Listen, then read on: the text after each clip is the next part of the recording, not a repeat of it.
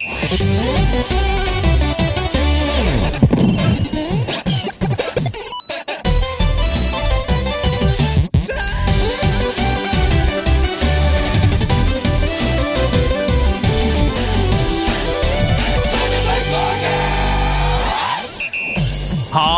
Startet podkasten Nerdelandslaget helt alene i 2019. Siden har han fortsatt med å lage podkasten Nerdelandslaget. Nå er han tilbake for å gi dere nok en episode med Nerdelandslaget. Her er han, Andreas Hedemann! Kjør, bare kjør! Er det gøy? Ja! Kjør, bare kjør! Det kan også sies på en veldig mye mer sånn nedtona måte. Kjør, bare kjør! Ja. Altså bare, bare kjør, bare kjør! Kjør, bare kjør, liksom. Kjør, bare kjør! Ja. Ja. For dette er vel en oppfordring til at man skal liksom gønne på videre, kanskje? Vent, da. Det, nå har jeg faktisk sagt det feil. Jeg ser her at det står egentlig KBK. KBK! Og så er det i parentes kjør, bare kjør, for KBK står for det. Du, det er interessant fordi jeg, for eh, sånn, Dette er litt interessant. For fire-fem år siden så var det er det en som heter Bjørn Asgeirsson, som hadde en catchphrase som heter uh, Hva er det? Ja. Som ble en så stor greie. Hva er det? Hva er det? Ja. Eh, og så var det da en på, på mm, Instagram som stjal den og begynte å, å bruke det som Ja. sin egen catchphrase. Og så ble Bjørn litt sånn Nei, slutt å gjøre det. Jeg, det er min catchphrase, den er god. Mm. Hva er det? Så, og så sa han, sa han til han sånn Du, slutt, da. Og så sa han ja, greit. Til slutt så sa han ja, greit. Og så begynte han med en ny catchphrase som var KBK. Kjør, bare kjør! Det Så jeg lurer på, er det deg som har sendt inn, du som var i eh, plagiatsamtale med Bjørn? Det er OYV Haug, altså Oiv Haug. Kanskje Ja. Øyvind Haug? Kanskje det. Kanskje det. Ja. Eh, han skriver altså 'Når det er go time på restaurantkjøkken'. Ja. KBK! KBK, folkens! Go, folkens! Kjør, bare kjør! Kjør, bare kjør! Det er gøy. Jeg syns, det er dritfin. Jeg synes det er fint å si det. Smelle opp døra. Kjør, bare kjør! Hvis du drar det i ett ord, liksom. Ja, bare kjør! Den, er, den, er- den, er full av energi. Ja. Veldig veldig deilig catchphrase. Og det blir den faste catchphrasen fremover? blir ikke det? Nei, det gjør det ikke. Okay. Det gjør det ikke. Allerede ny neste uke. Kjøtt, bare Eh, kjøtt. Kjøtt, bare kjøtt. Nei, men ta så Send inn, folkens, catchphrases. Dere gjør det fortsatt, og dokumentet er fullt. Men det er ikke, det er ikke betyr ikke at det ikke er plass til flere. Nei. Men det betyr vel at hvis du skal sende inn til neste gang, og, og komme neste gang, så må du være helt insane bra for Ja. å komme seg på toppen av den bunken. Hva er en insane bra catchphrase? altså? It's about time to get real about this pod, man! Ikke sant? Send inn den. Den er proff. Ja, Ja. prof.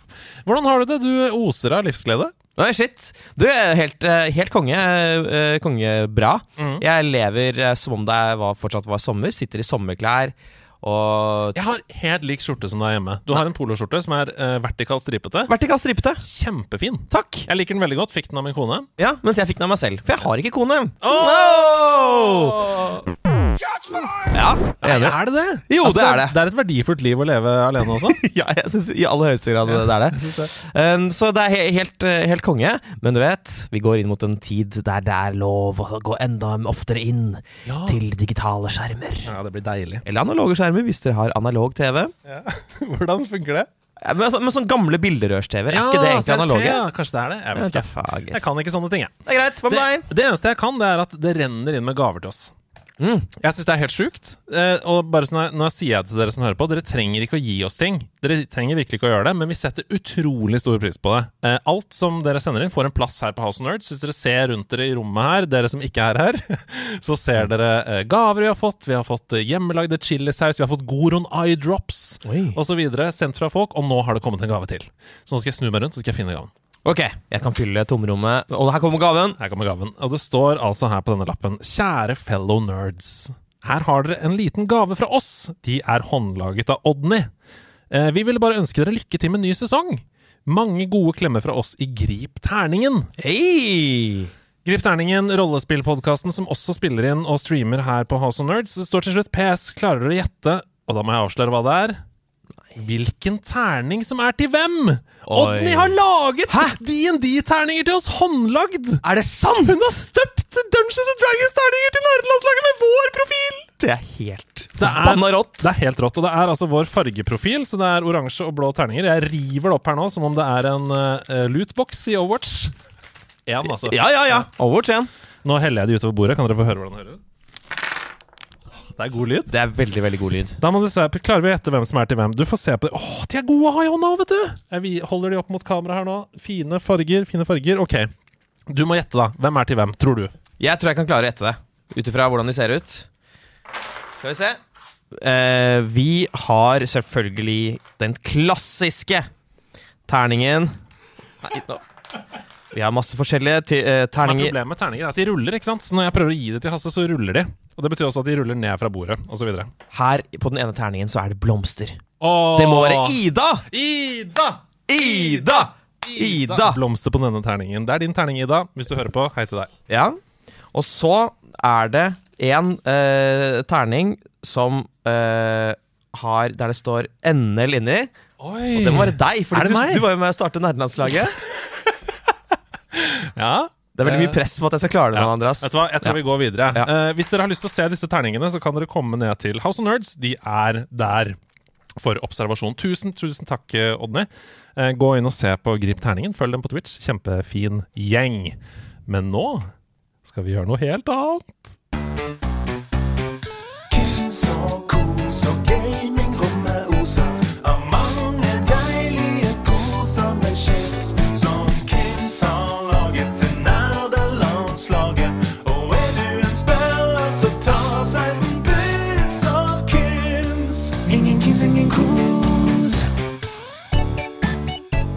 Altså, det er umulig å ikke bli glad. Det er, det er veldig veldig vanskelig å ikke bli glad her. Det er det. Ja. Hør, da! Tenk at vi har vår egen liksom, gamingkomponist. Vi har Martin, Martin Herfjord. Fantastisk nok en gang. Ingen kids, ingen kos. Den er lekker, ass! Det er så høyt nivå! Den er lekker. Det er så høyt nivå. Uh, og dette her det er supergøy. Dere har jo fått med dere uh, gjennom året at Kims er på laget. Uh, og nå kjører vi på. September er den store Kims-måneden i nerdelandslaget! Oi! Oi, oi, oi, oi, oi. De tok jo kontakt med oss tidligere i år, Kims, eh, og sa til oss eh, Vet du hva, vi heier på nerdelandslaget. Vi heier veldig på dere. Og så vil vi at dere skal snakke mer om at potetgull fra Kims er en bra gamingpartner. Enig. Enig? De har vært en god gamingpartner gjennom hele året hittil. Du har jo fått testa ut noen av produktene deres. Alle vi har fått det. Vi har fått eh, kasser med chips hjemme på døra. Vi har det. Vi sender bare melding sånn 'Jeg vil ha french fries. Jeg vil ha snack chips.' Og så Jeg vil ha bare, verdendel og rødendel og snackchips. jeg vil ha pepper punch. Jeg vil ha pepper punch. Jeg vil ha væskepunch.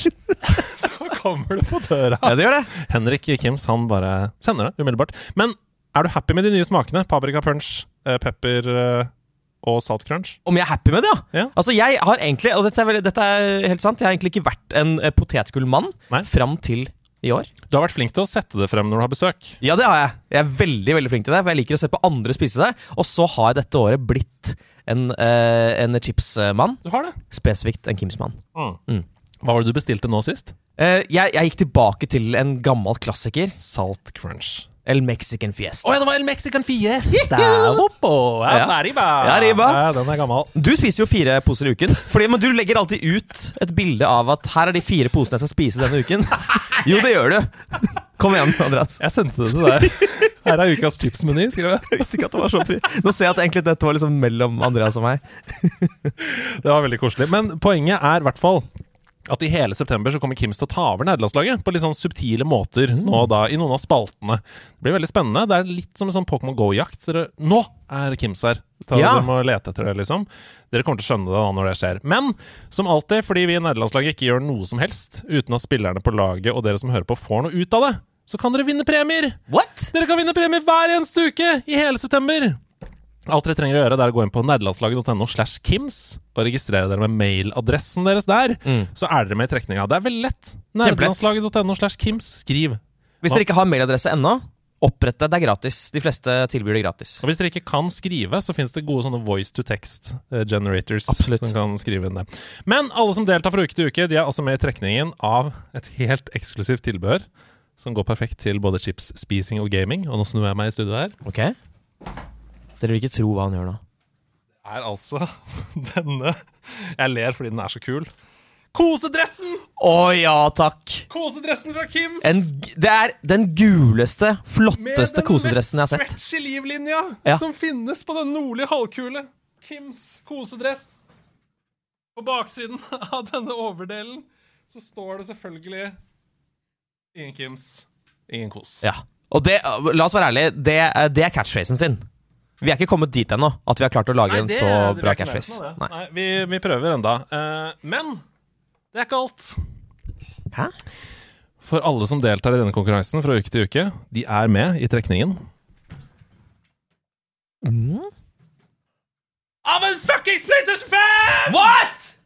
Hæ? Det er en PlayStation 5! Hæ?! What?! Nei! Det står her! Det er ekte! Han holder den i Jeg hånda. holder en PlayStation 5 i hånda! Se på den! Hør, hør på den. Hør på PlayStation 5 Oi, jeg dunka den borti mikrofonen. ok, da har dere hørt at vi har banka en eh, PlayStation 5 borti uh, mikrofonen. Jeg syns det er helt sykt. Tusen hjertelig takk, Kims. Dere er veldig, veldig rause. Gå inn på nederlandslaget.no slash Kims, vinn kosedress og vinn PS5. Det blir gøy. Det blir veldig gøy. Jeg skal rett inn, selv om jeg, egentlig, jeg har ikke lov til å vinne. Nei, for det er sånn som eh, familie og venner og, ansatte kan ikke delta Nei. i konkurransen. Okay.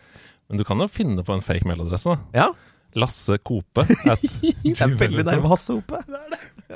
Ok, dere, vi må ta inn ukas gjest. Hun sitter her og rister. Ukas gjest er en glimrende representant for spillkultur som med sitt smittende engasjement inspirerer gamere verden over. Hun elsker å putte små planter i små plantekasser, men er først og fremst kjent for å gi en stemme til tilgjengelighetsalternativer for gamere med funksjonsnedsettelser, noe vi i nerdelandslaget heier på med alle våre kollektive kropper.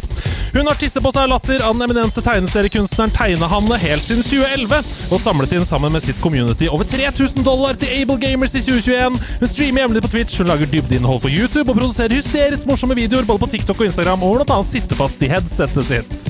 Helt siden hun strakk ut en hånd til oss i mai, så har vi gledet oss til å besøke henne.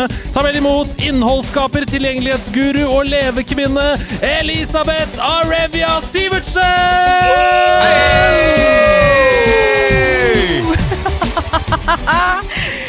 Der er du. Hei! Du har gått og snoket på i Facebook. Ja, blogg.no blant annet. Nei! Det er eh, litt skummelt at jeg fant en kommentar fra deg i kommentarfeltet til Tegnehanne fra 2011. Du, derfor så anbefaler ingen å ha et brukernavn de har brukt siden 2011! Men jeg er jo helt enig. Ja! Tegnehanne er så morsom. Hun er så genial. Vi har snakka med henne om å være gjest i nederlandslaget, for hun er jo glad i spill. Ja. Men hun har et veldig hektisk liv. Ja. Hun har fått barn for andre gang, Ja. eller noe sånt. Eh, så, men nok om Tegnehanne. Over til deg. Velkommen hit! Tusen takk. Hvem er du? Fortell om deg selv. Hva er det du driver med til vanlig? Hvem er jeg? Jeg er Og det er egentlig et litt vanskelig spørsmål. Jeg satt og noterte før jeg kom hit. Hvem du er? Hvem jeg er? Hvem jeg er? Jeg får sånn her uh, existential crisis. Ja, ja, ja, ja, ja, ja men det er Ja, helt ja, ja. eh, enig. Det er sånn Hvem er jeg egentlig i denne verden? Verden, verden. Jeg sto på hotellrommet mitt og bare To be or not to be, who is this person? Nei, altså, jeg er Arevia Eller, jeg er jo egentlig Elisabeth, men Ja. jeg kaller meg selv Arevia online.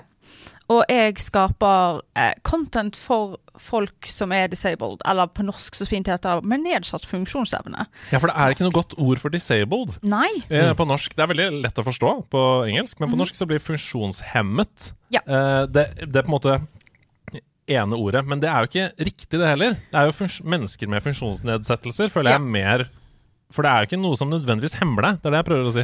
Og jeg tror, eh, jeg tror en av organisasjonene sier at å ha funksjonshemmet, det er det når, du, når samfunnets barrierer versus hva du får til, ikke stemmer opp overens. For da blir du hemmet fra å gjøre noe. Men jeg er ikke helt sikker, okay. så ikke ta meg for god fisk. Ja, det er den beste forklaringen jeg har hørt. Ja, Men vi savner altså ett, ett ord. For et Ja. annet ting er sammensatte ord. Ja. Jeg føler heller ikke er ett ord. Vi trenger ett ord. Men det, det samme skjedde når Twitch Twitch har jo sånne fine sånne tags nå. Ja. Og når de skulle ligge inn Du kan få liksom taggen 'disabled', så du kan tagge inn. Og når dette kom, så skulle de oversette det til norsk, til alle mulige språk. Og da ble vi disabled people, vi ble avslåtte folk. Det er- Avslått. Avslått! Avslått! Avslått var det de greide å oversette til. Skjerpings, Twitch! Den er vond, altså. Den er vond. Den er vond. Om man ikke følte seg litt ekskludert allerede, Ja, liksom. Så er det så sånn, bare sånn Ja, dere er avslåtte folk. Gratulerer, her er stempel. Ja. Dusj, avslått. Så, men da fikk jeg en fin sånn uh, tweet, eller X, eller hva enn vi kaller det nå. Ah. Ja, okay, ok. mm, mm. Eh, som jeg tweeta til de, og folk bare 'hallo'. Så det var Mm. greit, da. Men ja, jeg lager content for folk som er disabled. Yeah. Eh, snakker om tilgjengelighet i spilling. Det er Mm. liksom min store engasjement her i verden. Det er det at spilling skal være for alle. Og da mener jeg alle. Mm. Det skal være for den fire år gamle kiden som får en eh, Switch, er det vel det de får i dag, for første gang. Og det skal være for bestemor på 98 på gamlehjemmet som har lyst å komme seg litt ut av sengen. Spilling skal være for alle. Men Mm. for at det skal være mulig, så må det være tilrettelagt. Og det er det ikke så veldig mye i dag. Mm.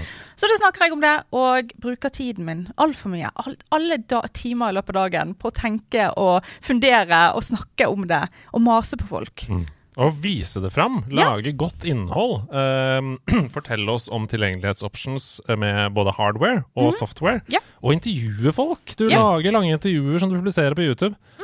Det er virkelig, dette er, uh, Du gjør en viktig jobb for mange, altså. Ja, takk. Mm. Men det er viktig, for jeg har mine problemer som gjør at jeg ikke kan spille sånn som alle andre. Men det er jo bare én ting. For det at eh, jeg ser jo bare at du sitter for eksempel med briller. Mm. Og det er jo også en annen ting som er viktig å få med og huske på. Og det er liksom så viktig at vi får liksom litt sånne skylapper. Vi blir sånne hester på løp Mm. for vårt eget liv. Mm. Og så prøver jeg å snakke med masse andre folk. Hvordan er det å være deg? Mm. Hvordan er det å være deg når du møter spillverden? La oss finne ut av det. La oss snakke om det. La oss bli informert om det, og la oss fornye det. Og Mm. bare få det til. Helt fantastisk. Har du lyst til å snakke noe om din egen funksjonsnedsettelse? Ja, ja, ja. Så jeg er født med noe som heter cerebral parese. Eh, jeg fikk ikke nok oksygen. Jeg satt fast når jeg ble født. Men det er en veldig mild grad, så de fleste som ser meg på gaten, de tenker at ingenting er gale. Og jeg, mine foreldre fikk anbefalingen av legene å ikke si det til meg. Ah. Så jeg vokste opp uten å vite at jeg hadde funksjonsnedsettelse. Det er ikke så kult. Det gjør ikke vi i dag. I dag forteller vi. For en helt absurd anbefaling. Mm. Lenge leve 90-tallet. 90-tallet, Vi gjorde mye rart på 90-tallet. Ja, Ja, det er Vi gjorde det. det er ikke så lenge siden, men ja. Nei, vi var bare små, men vi gjorde rare ting også. Ja. Ja. Eh, og så, men når jeg ble eldre, da, fordi at jeg fikk litt sånn følelsen av å være litt sånn alien i egen kropp og alien i eget liv. Fordi at jeg skjønte ikke hvorfor sånne helt sånn basic ting som å løpe var så sinnssykt mye vanskeligere for meg enn alle andre. Eller hvorfor tok det meg dobbelt så lang tid å gå hjem fra skolen som alle andre. Eller hvorfor brukte jeg så lang tid på å lære meg å skrive. Mm. Og så var jo det da reisen. Og min mor var flink og til slutt fortalte meg om det og snakket om det, og vi forsto at det burde vi heller gjøre. Og så ble jeg eldre, og når du blir eldre, så skjer sånne gøye ting, sånn som å bare knirke når du står opp. Ja, ledd, Ja. leddene får um, er ikke på ferie lenger. Mm. Nå er det hverdag. Ja, Mm. og jeg endte opp med da Jeg har leddgikt. Så jeg har en del andre ting òg, men det er liksom de to tingene som påvirker meg mest. Mm. Og så, på grunn av at jeg har vært mye ute og inn av sykehus, så har jeg fått noe som heter PTSD.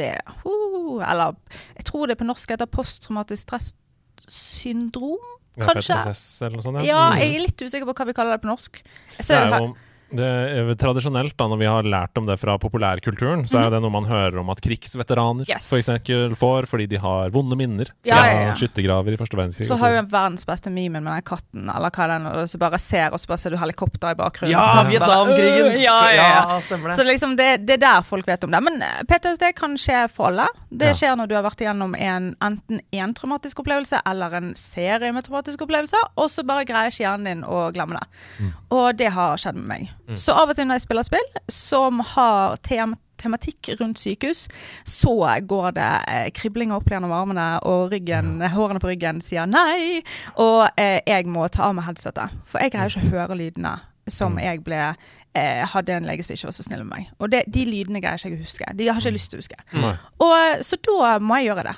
Og det er jo ikke det mange spill som husker på, at Nei. eh, folk har det. Mm. Eh, Nei, så, fordi spill har jo blitt flinkere og flinkere til å ha sånn content warnings, Ja. eh, filmer også. Mm. Men dette er jo eh, hva skal jeg si, relativt normale situasjoner. Det å være på et sykehus eller på legevakten eller sånn. Så det å bli oppmerksom på at det å være på et sykehus mm. kan oppleves veldig dramatisk for mange. Mm. Ergo kan det vekke eh, vonde minner. Det er det veldig bra at du snakker om. ja, og så gjør du liksom normalisere det. Altså Vi med mentale problemer har like stor rett til å spille spill som alle andre. Helt åpenbart. Og spilling er en kjempefin måte. Det er også en fin måte for meg å på en måte trygt teste litt vannet. Og bare sånn OK, jeg hører lyden i dag, men vet du hva, i dag så skal jeg greie å prøve å sitte i det. Mm. Og du kan liksom bare prøve å jobbe med det på en veldig trygg måte, for det er jo ikke farlig. Jeg sitter jo bare hjemme og får masse minner og følelser og ubehag og panikk, men det er jo ikke farlig.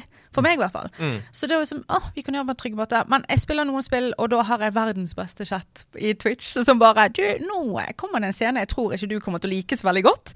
Så jeg anbefaler deg å ta av headsetet. Vet du hva, det er verdens beste.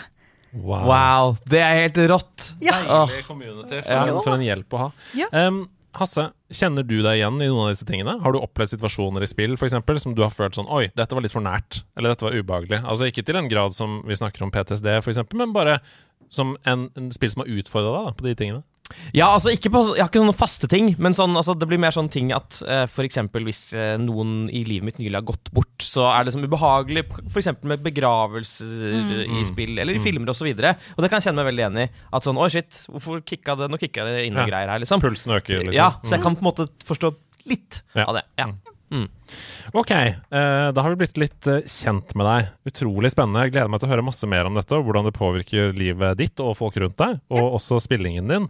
Men aller først så må vi skru klokka tilbake. Kjære Arabia. Hva var din første spilleopplevelse? Var min første spilleopplevelse? Jeg skulle til å si det var en eh, vinternett i august. Det kunne vært hvis du var i Australia, for Ja, eksempel. er helt sant. Ja. Skulle alle visst. Jeg har ikke vært i Australia da, Ikke. enda.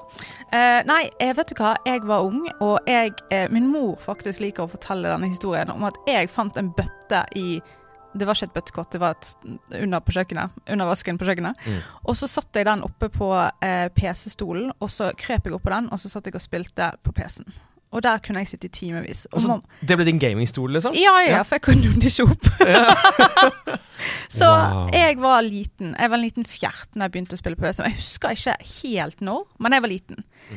Og det så jo foreldrene mine, og de bare Supert, hun gjør på noe. Ja, ja, ikke sant? Hun gjør noe, hun plager oss ikke. Nei da, Mm. foreldrene mine er veldig greie, men eh, så jeg skal ikke være slem med de. Men de bare Shit, hun gjør noe. Uh, la oss gi henne sånn Gameboy Color med Ah. Pokémon Yellow til jul. Fy søren. Altså, Gameboy Color var min første håndholdte konsoll, Mhm. med Pokémon blå. Oh. oh. ja, så dere er Så- fiender? Nei, hun var bare mer avansert enn meg. For hun hadde jo Pikachu som gikk bak henne hele Ja. tiden. Jeg var veldig misunnelig på det, da. For jeg hadde jo ikke Pikachu, da. Du hadde ingen? Jeg hadde en Pikachu til hvert, men jeg hadde ikke, gikk ikke bak meg. Nei. Nei. vi kule kidsa, vi hadde Pikachu vet bak oss. Jeg var ikke kul! Nei, og den, vet du hva, den Gameboyen, den er, jeg har den fortsatt. Eh, den er da en Gameboy Color lilla, som er gjennomsiktig. Oi, shit! Ja, den var så kul! lilla gjennomsiktig! Den var så kul! Det var det kuleste. Den funker fortsatt. Ja, min òg. Det, det skulle ikke vært lov. Eller jo, det skulle jo vært det. Det var akkurat det det skulle. Allting skulle funka i hva da, 25 år. Mm. Mm. Å Ja. gud, vi er gammel. Men Men det er jo helt utrolig. Det er jo ingen teknologi som virker i 25 år lenger. Nei! Nei, nei, nei, nei, nei, nei, nei. Printere, lyspærer Printer funker ikke etter første dag engang. Det er ikke noen ting som funker er, lenger. det er noen ting som funker lenger i det samfunnet her. Men har du, har du, har du fyra opp eh, Pokémon Yellow Ja. det siste Ja, og så må du sitte med vinduet ditt for å spille. Og det har jeg helt glemt. For du, du, skjermen har jo ikke baklys. Så du trenger solens eh, kraft? Ja! Det var jo den tiden når skjermer ikke hadde baklys. Ja. Så du måtte ha en sånn egen sånn ting du stakk inn i Gameboyen for å kunne ha lys, sånn at du kunne spille når du kjørte bil. Jeg tror det het Snake Light. Ja! Fordi det var sånn du kunne, du kunne bøye den, for det var ståltråd inni, og så ta den over skjermen. Ja!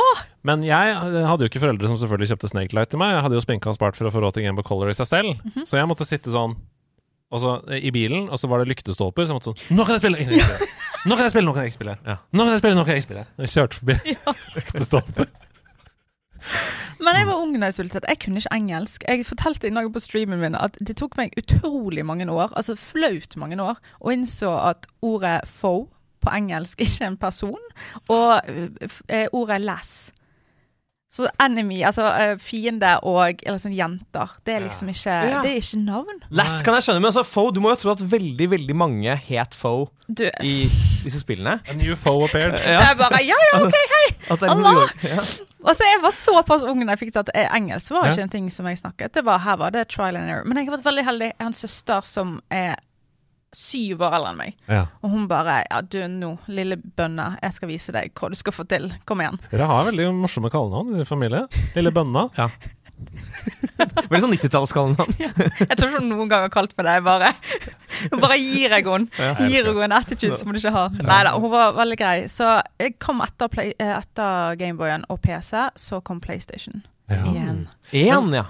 Da du satt på denne bøtta di, Mm. husker du hva du spilte på PC? Vet du, jeg tror etter hvert, når bøtten gikk vekk, så tror jeg det første jeg kan huske sånn ordentlig å spille, det er Lion King. Ja! Lion Kings. Umulig å spille. Det er så vanskelig. Det er kjempevanskelig. Og så jeg husker jeg bare spilte fram til det der Det er, det er ape. Det, når du skal liksom hoppe fram og tilbake og bli kastet fram og tilbake. Ja! Så betyr det at du aldri kom deg til at Simba ble voksen? Nei! Wow! Og det var jo det råeste, fordi han kunne brøle! Jo, vet du hva, jeg tror noen når søsteren min hjalp meg, så kom vi med dit. Ja. Ja. Gåsehud. Jeg tror den derre sjiraffbanen Ja! hvor du skal hoppe fra hode til hode, og så er det sånn uh, I Can't Wait To Be King soundtrack. ja! Det er så sykt. Vi må bare høre litt på det her på YouTube. Å, det var best.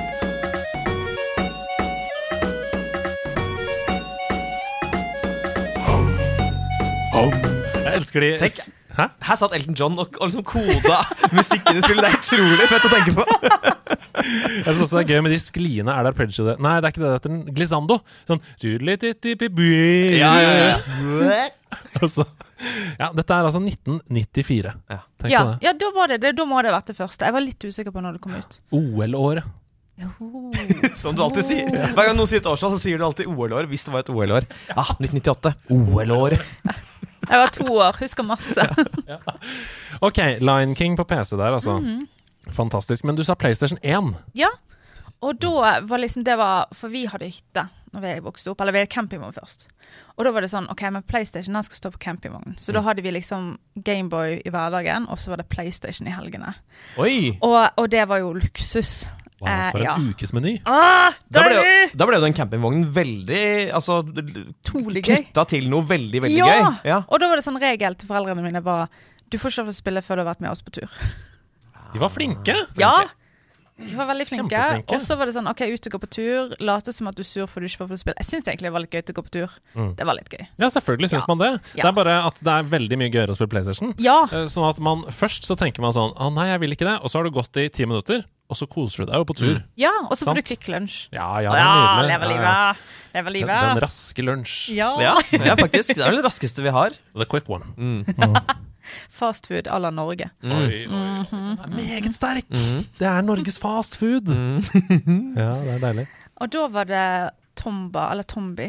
Den, det spillet ingen har hørt om. What?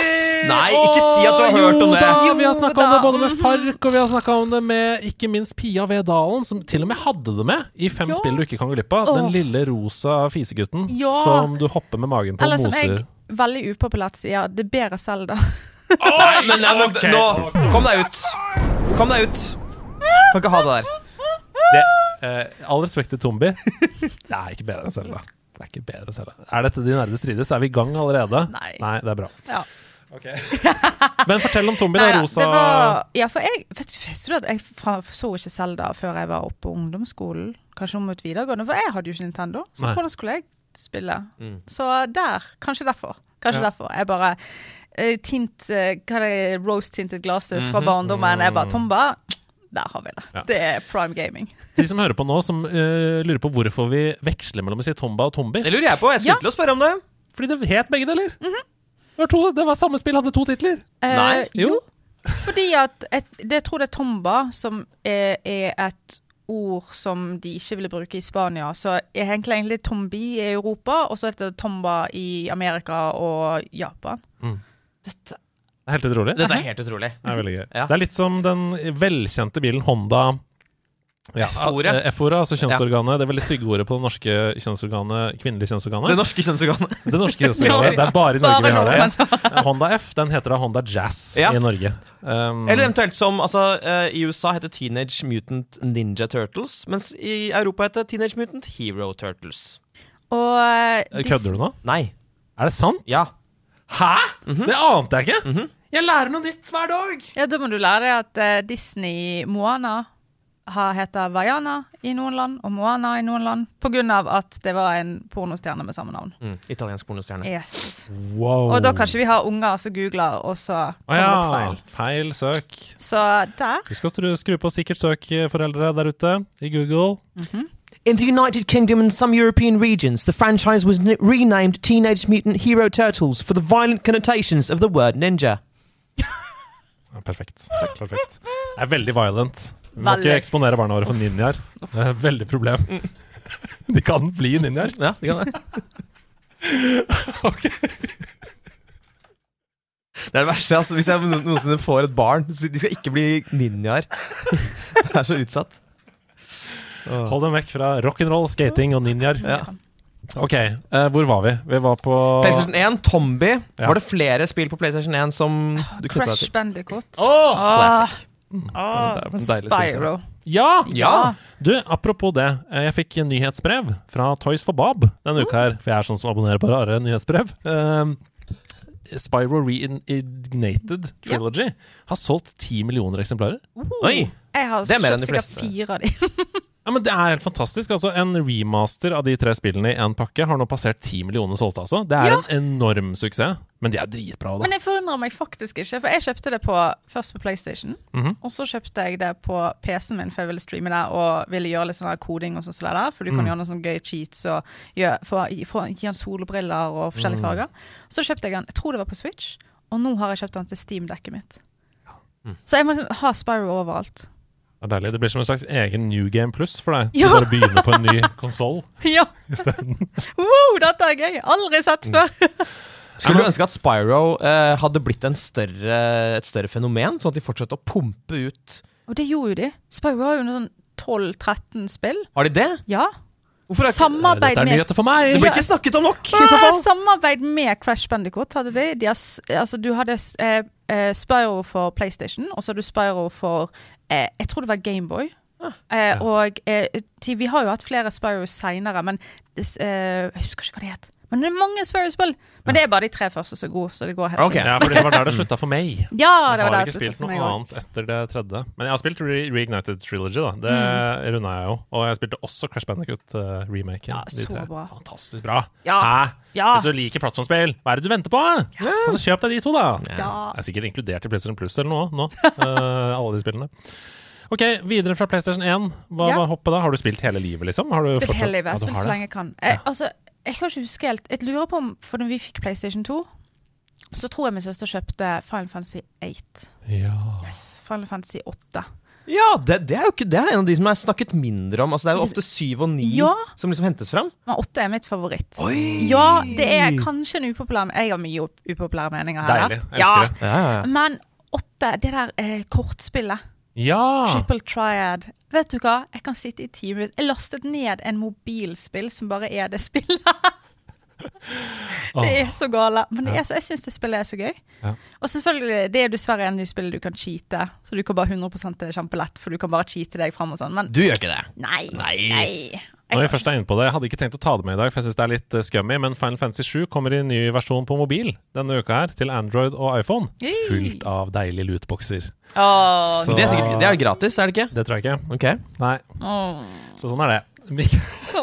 Det er trist. Men ok, ja, uh, apropos mobilspill, tenkte jeg på at du hadde spilt kortspill på mobil. Mm. Uh, jeg ønsker meg mer av det der. Eh, Gwent gjorde det også, i Åh, The Witcher 3. Lagde eh, et eget kortspill Ja. som heter Kingslayer, tror jeg. Eh, jeg har runda det fra, fra The Witcher-universet, som bare er Gwent, med en singleplayer-historie. Mm. Kjempegøy. Så når PlayStation var over, eller det var ikke det, men det hadde vi på, som sagt campingvogn, så nå i hverdagen begynte da Gameboyen å bli litt slitt. Og da Mhm. fant mine foreldre ut at vet du hva, eh, vi melder henne inn i sånn dataklubb. Mm. Og det er det kuleste du kan være med i på Ja. ungdomsskolen. Nei, ikke når du er jente. Nei. Nei. Det var er gutt, eller jeg kan si det. I hvert fall da jeg var sånn 13, da. Eh, det er kanskje andre tider nå. Men dataklubb var ikke det kuleste, altså. Finnes det var- dataklubb i dag? Jeg håper jeg. DK. sånn- Skal vi stikke ned på DK, eller? Å oh. Å ja, det, det, det er forkortelse for Dataklubben. Ja. Mm. det, og da fikk jeg sånn det store mattemysteriet. Og så det der Oh. spillet der du skulle eh, reise til månen, og så til Mars, og så ut i verdensrommet og videre ut ytre verdensrommet. Vet du hva? Disse spillene finnes på nett i dag. Jeg fant de. Jeg lastet de ned, og jeg spilte de. Jeg spilte en hel For du kan ikke lagre de fordi at de funker jo selvfølgelig ikke med da, dagens Nei, så det datasystem. er Flash eller sånt? Ja, eller på, Så du, du kan ikke lagre. Så du må sitte i én setting og spille ut hele spillet. Jeg brukte en helg og satt og spilte dette her Wow. planetspillet og rundet det, og jeg bare åh, ungen i meg hadde vært så fornøyd nå. Jeg elska det store mattemysteriet. Det var så gøy! Altså, jeg spilte dritten ut av det. Jeg hadde lærermor og rektorfar. Selvfølgelig, hva var det de provida meg med? Mm. Bare kunnskapsspill. Undervisningsspill. Ja. Eh, Hugo, ja. Ja. og så videre. Josefine. Josefine. Josefine! Å, herregud, ja. Backpacker 2. Ja, Backpacker junior for min del. For jeg er et lite barn. Du er voksen og liker geografi. Ja. Ok, uh, men veldig gøy. Du fant disse mattemysteriespillene og sånn i voksen alder og koste deg med det. Ja. Gode minner. Gode minner. Og det er det viktigste. Eh, selvfølgelig, nye spill som vi koser oss med og spiller og opplever fantastiske nye spillopplevelser, eh, er bra, men nostalgi er jo Det er derfor Final Fantasy 8 er så sterkt for deg. ikke Ja. sant? Det var ditt første. Ja. Så ikke vær redd for å gå tilbake og spille gamle spill om igjen. Ikke tenk sånn å, det kommer så mye nytt. Jeg må. Hvis du har lyst til å spille gamle spill, gjør det da. Mm. Gjør det da. Du uh, fikk jo beskjed av oss før du kom hit om å velge deg ut liksom tre spillopplevelser Ja. som har definert deg. Eh, Det trenger ikke å være førsteplass, andreplass, tredjeplass, men begynn med ett av dem. Hvilke tre er det? Så jeg tror jeg skal begynne med en som Siden vi snakket om Final Fantasy. Fordi at jeg fikk Final Fantasy 8, eller meg og min søster fikk det, og spilte det. Så jeg hadde ikke spilt Final Fantasy 7. Så når jeg begynte å streame, så tenkte jeg at hadde det ikke vært litt gøy å spille det sammen med communityet mitt? Ja. Folk som har spilt dette spillet 1000, 2000, 5000 timer, Ja. og så kommer jeg og bare 'halla'. Og så trodde jo jeg at kanskje ikke det er så gøy, for du vet jo historien. Alle vet hvem som dauer, alle vet hva som skjer. Vet du hva, det minnet. Å sitte som en helt noob og bare se at chatten var utrolig snill, ingen backseater, men de heia sånn for meg. Det var liksom bare hver gang jeg vant en kamp, og hver gang jeg fikk noe til, hver gang jeg innså en ny løsning, så bare Folk bare satt og skreik i chatten. Og det var liksom mitt første sånn streaming, store streamingøyeblikk. Jeg bare Dette. Dette er streaming. Og da var det det originale Final Fantasy 7, Ja. ikke remaken? Nei. Ja. Og helt originale. Ser ikke ut, men er så bra. Jeg liker det veldig godt, Mm. det originale. Ja. Uh, jeg Jeg bare. Veldig morsomme armer. Ja. Ja. for de har de der boblearmene. De har veldig store, flotte skuldre. Bobleskuldre. Jeg spilte det på den PlayStation Mini.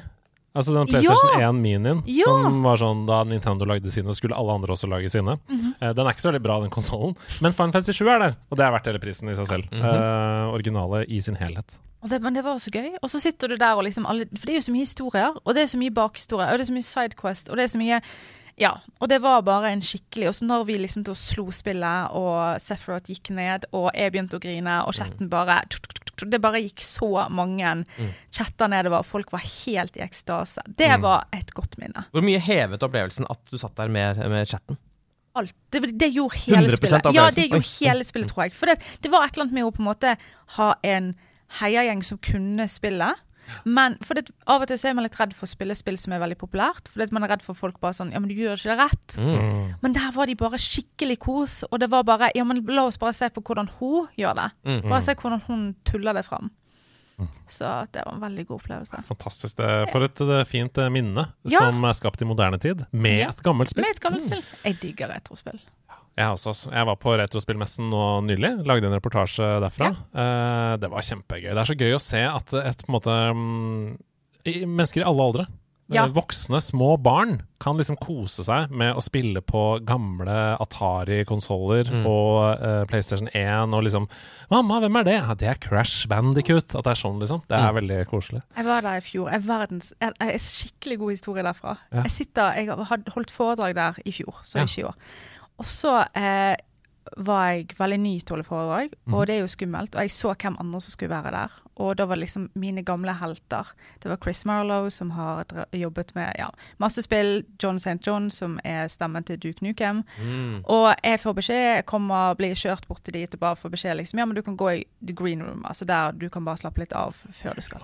Og så kommer jeg inn, og der sitter de alle sammen. Og til og med han som hadde tegnet fra em, Sonic, og det var liksom Alle bare satt der. Og, og liksom John St. John han har jo liksom en, til og med med seg en sånn handler som bare fikser ting for ham, for han har mye å gjøre. Og liksom disse, Det er store folk, og så kommer jeg inn og bare he-he-he, hei.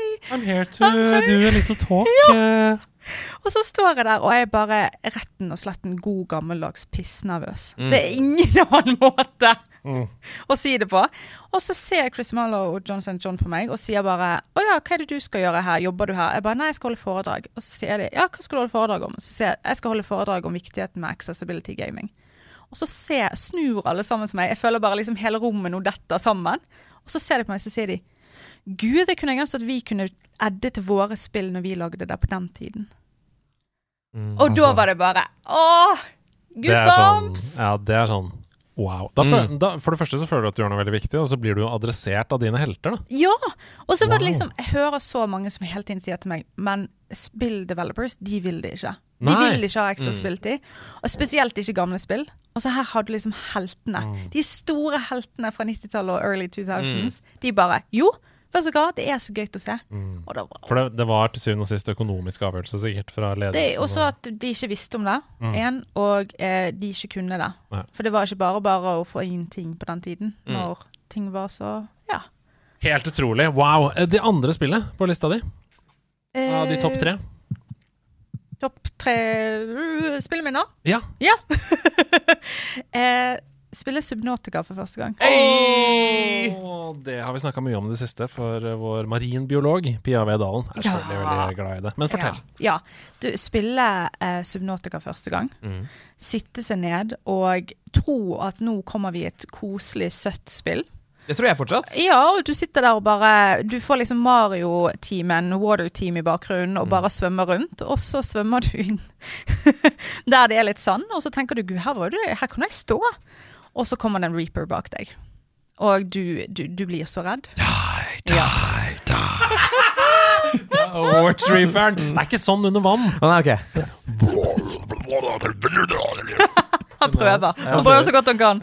Ja, og du blir spist. Og eh, du bare Du vet det er Du vet det er så Du, du vet du er så i spillet når du må løfte beina fra du kanskje har din ene for sofaen.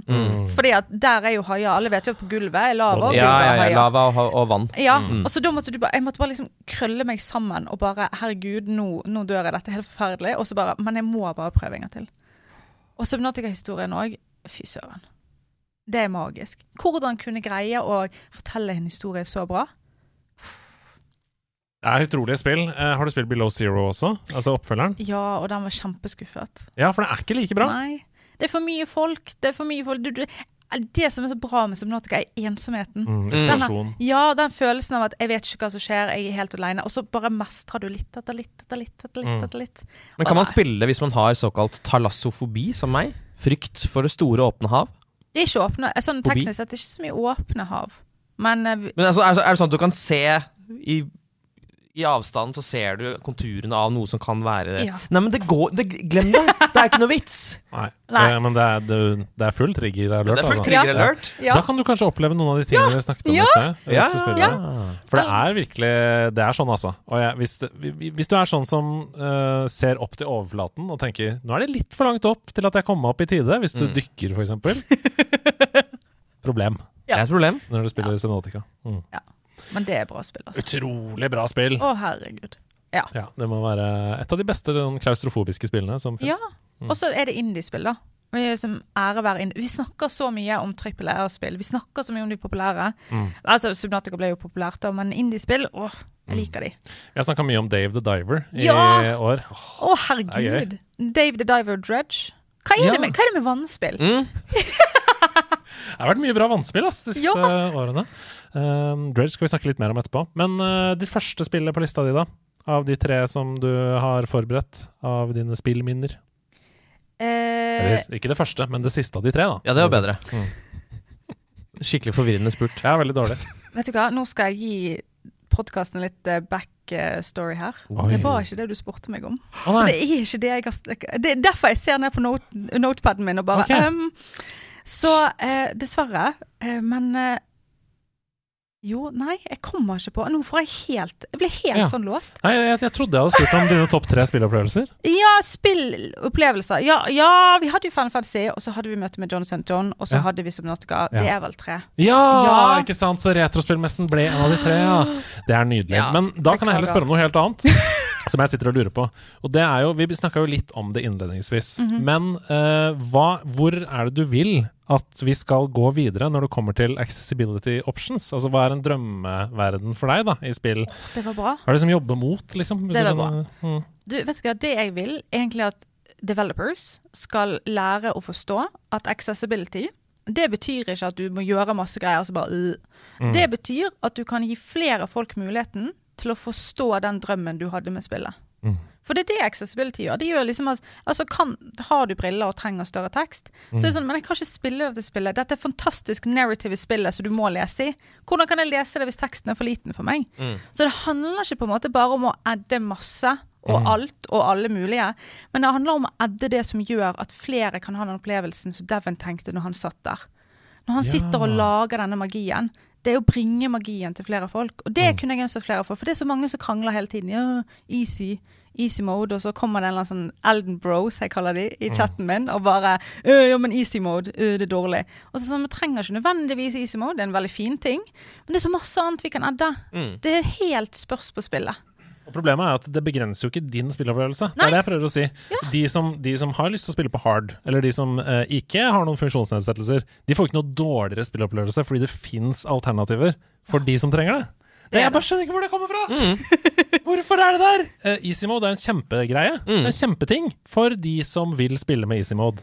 Og jeg tenker kanskje av og til så kan det være at det går litt på litt sånn selvtillitsproblemer. At Ja. folk som tenker at jeg har fått achieva noe, og så tenker de dette er veldig viktig for meg, og så Ja. tror de at den achievelsen betyr mindre fordi at noen andre får det til lettere. Ja, ja. Og så er det sånn, men det er jo ikke det. Hvis du greier noe på hardcore mode, eller survival, eller super ultra mega mode, så er det faktisk fantastisk. Altså, Mm. well done. Jeg får det ikke til. Det er faktisk skikkelig tøft av deg. Men at jeg får det til på easy mode, har ikke noe å si. Nei, det går jo ikke på bekostning av din prestasjon. Det er det. Du får Det, det er som at folk som eh, setter verdensrekord på 100 meter, blir provosert at det fins Paralympics. Eller 1000 meter. Ja, De greier å løpe fortere lengre. Hvordan våger de? Mm. Ja. Det er helt forferdelig! Hva er det som skjer? Slutt med det, folkens. Slutt. I Twitch-setter overalt. Ja. Det er et veldig godt svar. Det er utrolig gøy å bli kjent med deg. Eh, klokka går. Um, det er veldig koselig. Altså, jeg elsker å prate om disse tingene. Men hva er det du spiller nå om dagen? Nå har vi snakka mye om hva du har spilt tidligere. Så jeg spiller Crash fordi at jeg har fått uh, jeg spiller Crash. Jeg måtte spille det om igjen. Det var kjempegøy. Det var bare helt fantastisk. Også, I originalversjon eller i remaster? I remaster. Ja, ja. Og så spiller jeg David the Diver. Mm. Å, den er så bra! Ja, den er så bra. Hva er det du liker best med David the Diver? Jeg, jeg liker så sært det. Det er liksom, Hver gang du åpner en dør, så er det noe nytt. Altså, det, er så, det er så teit. Mm. Og det er det som gjør at jeg elsker indiespill. Jeg er en sånn huge indie-lover. Jeg synes det er så fantastisk. Mm. Altså, så nå, og så spilte jeg et spill nå som heter Videoverse. Og det var en developer som reached out til meg og spurte sånn Hei, eh, jeg har et spill, eh, ikke så stor eh, developer. Eh, kan du spille dette på stream? Og så sa jeg ja, det kan jeg. Men hvorfor, hvorfor vil du at jeg skal gjøre det? Hun bare, for dette er en disabled character, og jeg tror du syns at det er kjekt. Og det det spillet er, det er liksom 2003 chatting rooms. Og det her, altså det her er Millennial Sim- Simulator. så jeg sitter og spiller det med chatten min, og alle i chatten min bare Herregud, at det er som å være kid igjen. Det er så gøy. Altså 2003, det er primetime MSN. Prime Ja! time. Wow. Og du sitter liksom og chatter, og du går inn på forum, og du har liksom Feud Fantasy-forumet, aka feil Fantasy-forumet. Og du kan tegne og laste opp, og så blir, begynner jo folk selvfølgelig Og så blir det positive og definitivt det negative med internett på den tiden. Brukte du sånne ting For du, 2003, du går da i 10. klasse. Gjør du det? Eh, nei, jeg går i andre klasse på videregående. Ja, gjør du Jeg det? nettopp begynt i andre klasse, så jeg bruker MSM. Eh, er det ikke mm? Mainstream media. det, var, det, var, ikke egentlig meningen. Det skulle ikke være en vits. Jeg sa feil. Den Beste vitsen i dag! okay, Jeg satt og leste papiraviser. Men hus, husker du hva, at vi bytta nikk og sånn? Ja, jeg bytta nikk! Ja. Ja. Today it's gonna be fucking day, man! Ja. Og man kunne skrive sånn internhumor og legge inn rar grafikk og ja, ja, ja. Ja. Jeg tror jeg har fortalt det før, men jeg hadde sånn Da Matrix Revolutions skulle komme Så hadde jeg sånn Du vet sånn glitter i tittelen istedenfor navnet mitt. Ja. Og så sto det sånn 'Revolusjonen er nær'. Glitter. glitter. Det der, og så- Cringe fiesta! ja, og så visste jeg at det var ikke så bra film! Det var ganske oh, jeg, jeg husker jeg drev og logget av og på, fordi at han jeg hadde en crush på, skulle se at jeg var på, så han kunne si hei til meg! For det kom det poppet jo opp. Duggeting. Ja, digging. Det- det Og det det. liksom, ja, nå hun, hun logget på, eller han og han logget på. Og det var okay, vet du hva? Dette er eh, Vi vet jo at lukt og lyd og sånn er en utrolig sånn minnegenerator. Mm. La oss finne en compilation med sound effects eh, fra MSN. Eh, Tiden du kunne nudge folk. Vet du hva, Det må vi ta mm. tilbake. Mm -hmm. Eller kanskje ikke. ok, Her kommer MSN Messenger All Sounds. Oh, den! den. Gogodeng! den Veldig, veldig bra. Uh, wow, gøy, gøy, gøy! Døggodeng. Å, så bra. Og så kunne, ja, så kunne du sende sånne Etter hvert så kunne du sende sånne gifs Vi kalte ikke det på den tiden. Til folk, og de lagde lyd og Nei. Fantastisk. Dette er også et spill. Hva er det det heter? Um, Videoverse. Videoverse. Mhm. Fantastisk. Noe annet du har spilt i det siste? Eller skal vi overlate ordet til Hasse? Vi overlater ordet til Hasse. Hassegutten. Nei, slutt, da! Hva har du spilt siden sist, da? Nei, ok, greit. Um, jeg har spilt hovedsakelig to spill, i tillegg til de vanlige spillene, som ikke jeg skal nevne igjen. Jeg sier, alt, jeg sier alltid de samme spillene. fordi jeg spiller de samme. Ja, men Vi spilte jo Overwatch i går, for Ja, eksempel. ikke sant? ikke sant? Men ikke si det. Jeg vil ikke, jeg vil ikke folk skal vite det lenger. Nei, da, nei. Um, jeg, har, jeg har dratt en tur til Raccoon City. Hva kan det bety, da? Hva kan det bety da? Fortell oss, da vel. Ja, nei, fordi eh, jeg har ikke spilt Resident Evil-spill siden Resident Evil 2 kom i 1998 til PlayStation 1. Da spilte jeg og en kompis det på en Han hadde klart å brenne en CD med spillet på, så det var ulovlig. Oh. Vi var heldigvis bare tolv år, så da er det liksom Ja, ja. Under bli- kriminelle lavalder. Ja. Dessuten er saken foreldet. Så er foreldet. Um, så det, det er sist, forrige gang jeg spilte et Resident Evil-spill. Og så tenkte jeg sånn Shit, dette er jo egentlig ganske fete spill, har jeg hørt. Og siden liksom Capcom begynte å, å slippe dem på nytt osv. Så, videre, så da begynte jeg å spille uh, remaken av Resident Evil 2, og det er jo, som vi alle vet, fantastisk. Ja. Og det er ekte skummelt, liksom. Jeg trodde Jeg har liksom hatt en sånn tanke om at ja, men det er jo ikke skummelt sånn som en skikkelig skummel skrekkfilm er. Eh, men det er jo i aller høyeste grad uh, det. Uh, Det er så skummelt. det er kjempeskummelt. Og jeg, det er bare det å gå forbi et vindu er sånn, Det er kjipt, altså. Ja. Det er kjipt. Og så noen, noen kommer bak deg, og du kan ikke snu kameraet, og så bare løper du, og så bare kjenn, Det kjennes ut som folk kommer bak deg i virkeligheten. Ja. At noen kommer til bare å ta hånden opp på deg og bare Jeg vil ikke ha noe av det. Um, uh, og så er det jo også den derre Noe som disse spillene er veldig gode på, i hvert fall dette spillet, er jo bare det at du føler at du har alltid veldig lite. Litt sånn som Last of Us også var veldig viktig for Last of Us-spillene. At du føler at du har lite ammo. Du må liksom bruke ting med omhu. da Veldig kult. Helt enig. Altså, Resident Evil 4 remake, som kom i år, det tror jeg vi alle nesten er nødt til å få spilt før jul. Mm. Fordi alle snakker om at det er sånn, ah, det er Game of the Year contender. Oi! Og siden den høsten her er så syk, Ja. så er det så lett å glemme det. At det kom jo faktisk tidligere i år. Det har fått 10 av 10, 100 av 100, masse masse steder. Så jeg, jeg må få spilt Resident Evil 4 remake før vi skriver 2024. Da skal jeg gjøre det. Mm. På vegne av oss. Det blir bra. Det blir bra. Eh, så tenker dere sikkert sånn Ok, men du kan umulig ha spilt flere remakes eh, i det siste. Fordi man kan jo bare spille én remake. Eh, men det er feil, fordi eh, Ja, watch me! Jeg eh, har spilt dritten ut av Red Dead Redemption Oh. remake, som oh. ble sluppet for eh, kort, kort tid siden. Hvordan er det? Vi har jo ikke snakka noe om det, nettopp fordi det har vært så mye annet å spille, og fordi folk sier sånn ja, det er bare en Eh, Fortell hvordan det egentlig er. Det har vært så mye rykter. Det har vært masse rykter. Og ikke sant, Særlig siden at eh, Siden Rockstar eh, slapp eh, De slapp jo sånn San Andreas og GTA3 remake og sånn, eller de slapp det på nytt for, for ett eller to år siden, og så var det skikkelig dritt. Så har folk vært redd for at de skulle gjøre det igjen her. Um, men det er ikke dritt i det hele tatt. Det er uh, veldig bra. Altså, spillet er jo fantastisk fortsatt, selv om man har spilt uh, toeren siden. Um, men det som er greia er at det ser i hvert fall i mitt hode ganske likt ut. Jeg tipper at Hvis jeg hadde liksom sett en PlayStation 3-skjerm ved siden av med det gamle spillet, så ville jeg sett en veldig stor forskjell. Men i mitt, hode, i mitt hode så ser det veldig likt ut, fordi de har på en måte bare pussa det opp til eh, 1080p. Eh, det er eh, et PlayStation 4-spill. Det er ikke liksom eh, Hva heter det? Denne generasjonen. Ja, det er, det er PlayStation 4 optimalisert, da. Ja. Um, så du må på en måte skru Altså Du må prøve å skru av minnene av uh, Red Dead 2, og hvor pent det er. Ja, skjønner. For, men Så hvis du klarer det, så syns jeg faktisk det er, det er, gøy, det er enda gøyere, fordi uh, Red Dead 1 er jo ikke Altså, vi har jo snakket mye om at Red Dead 2 uh, Det er veldig treigt. Altså, de bruker veldig lang tid. Bare sånn Hvis du skal gå inn en dør, hvis du skal flå et dyr, hvis du skal åpne en skuff, så må du se hele animasjonen, fordi alt skal være veldig tett opp til virkeligheten. Men det driter de i i Red Dead 1. Det er liksom, hvis du flår noen, så tar det 0,5 sekunder. Fordi det er ikke så viktig. Og det er en filosofi jeg skulle ønske de hadde tatt med seg videre. da Så det er veldig deilig.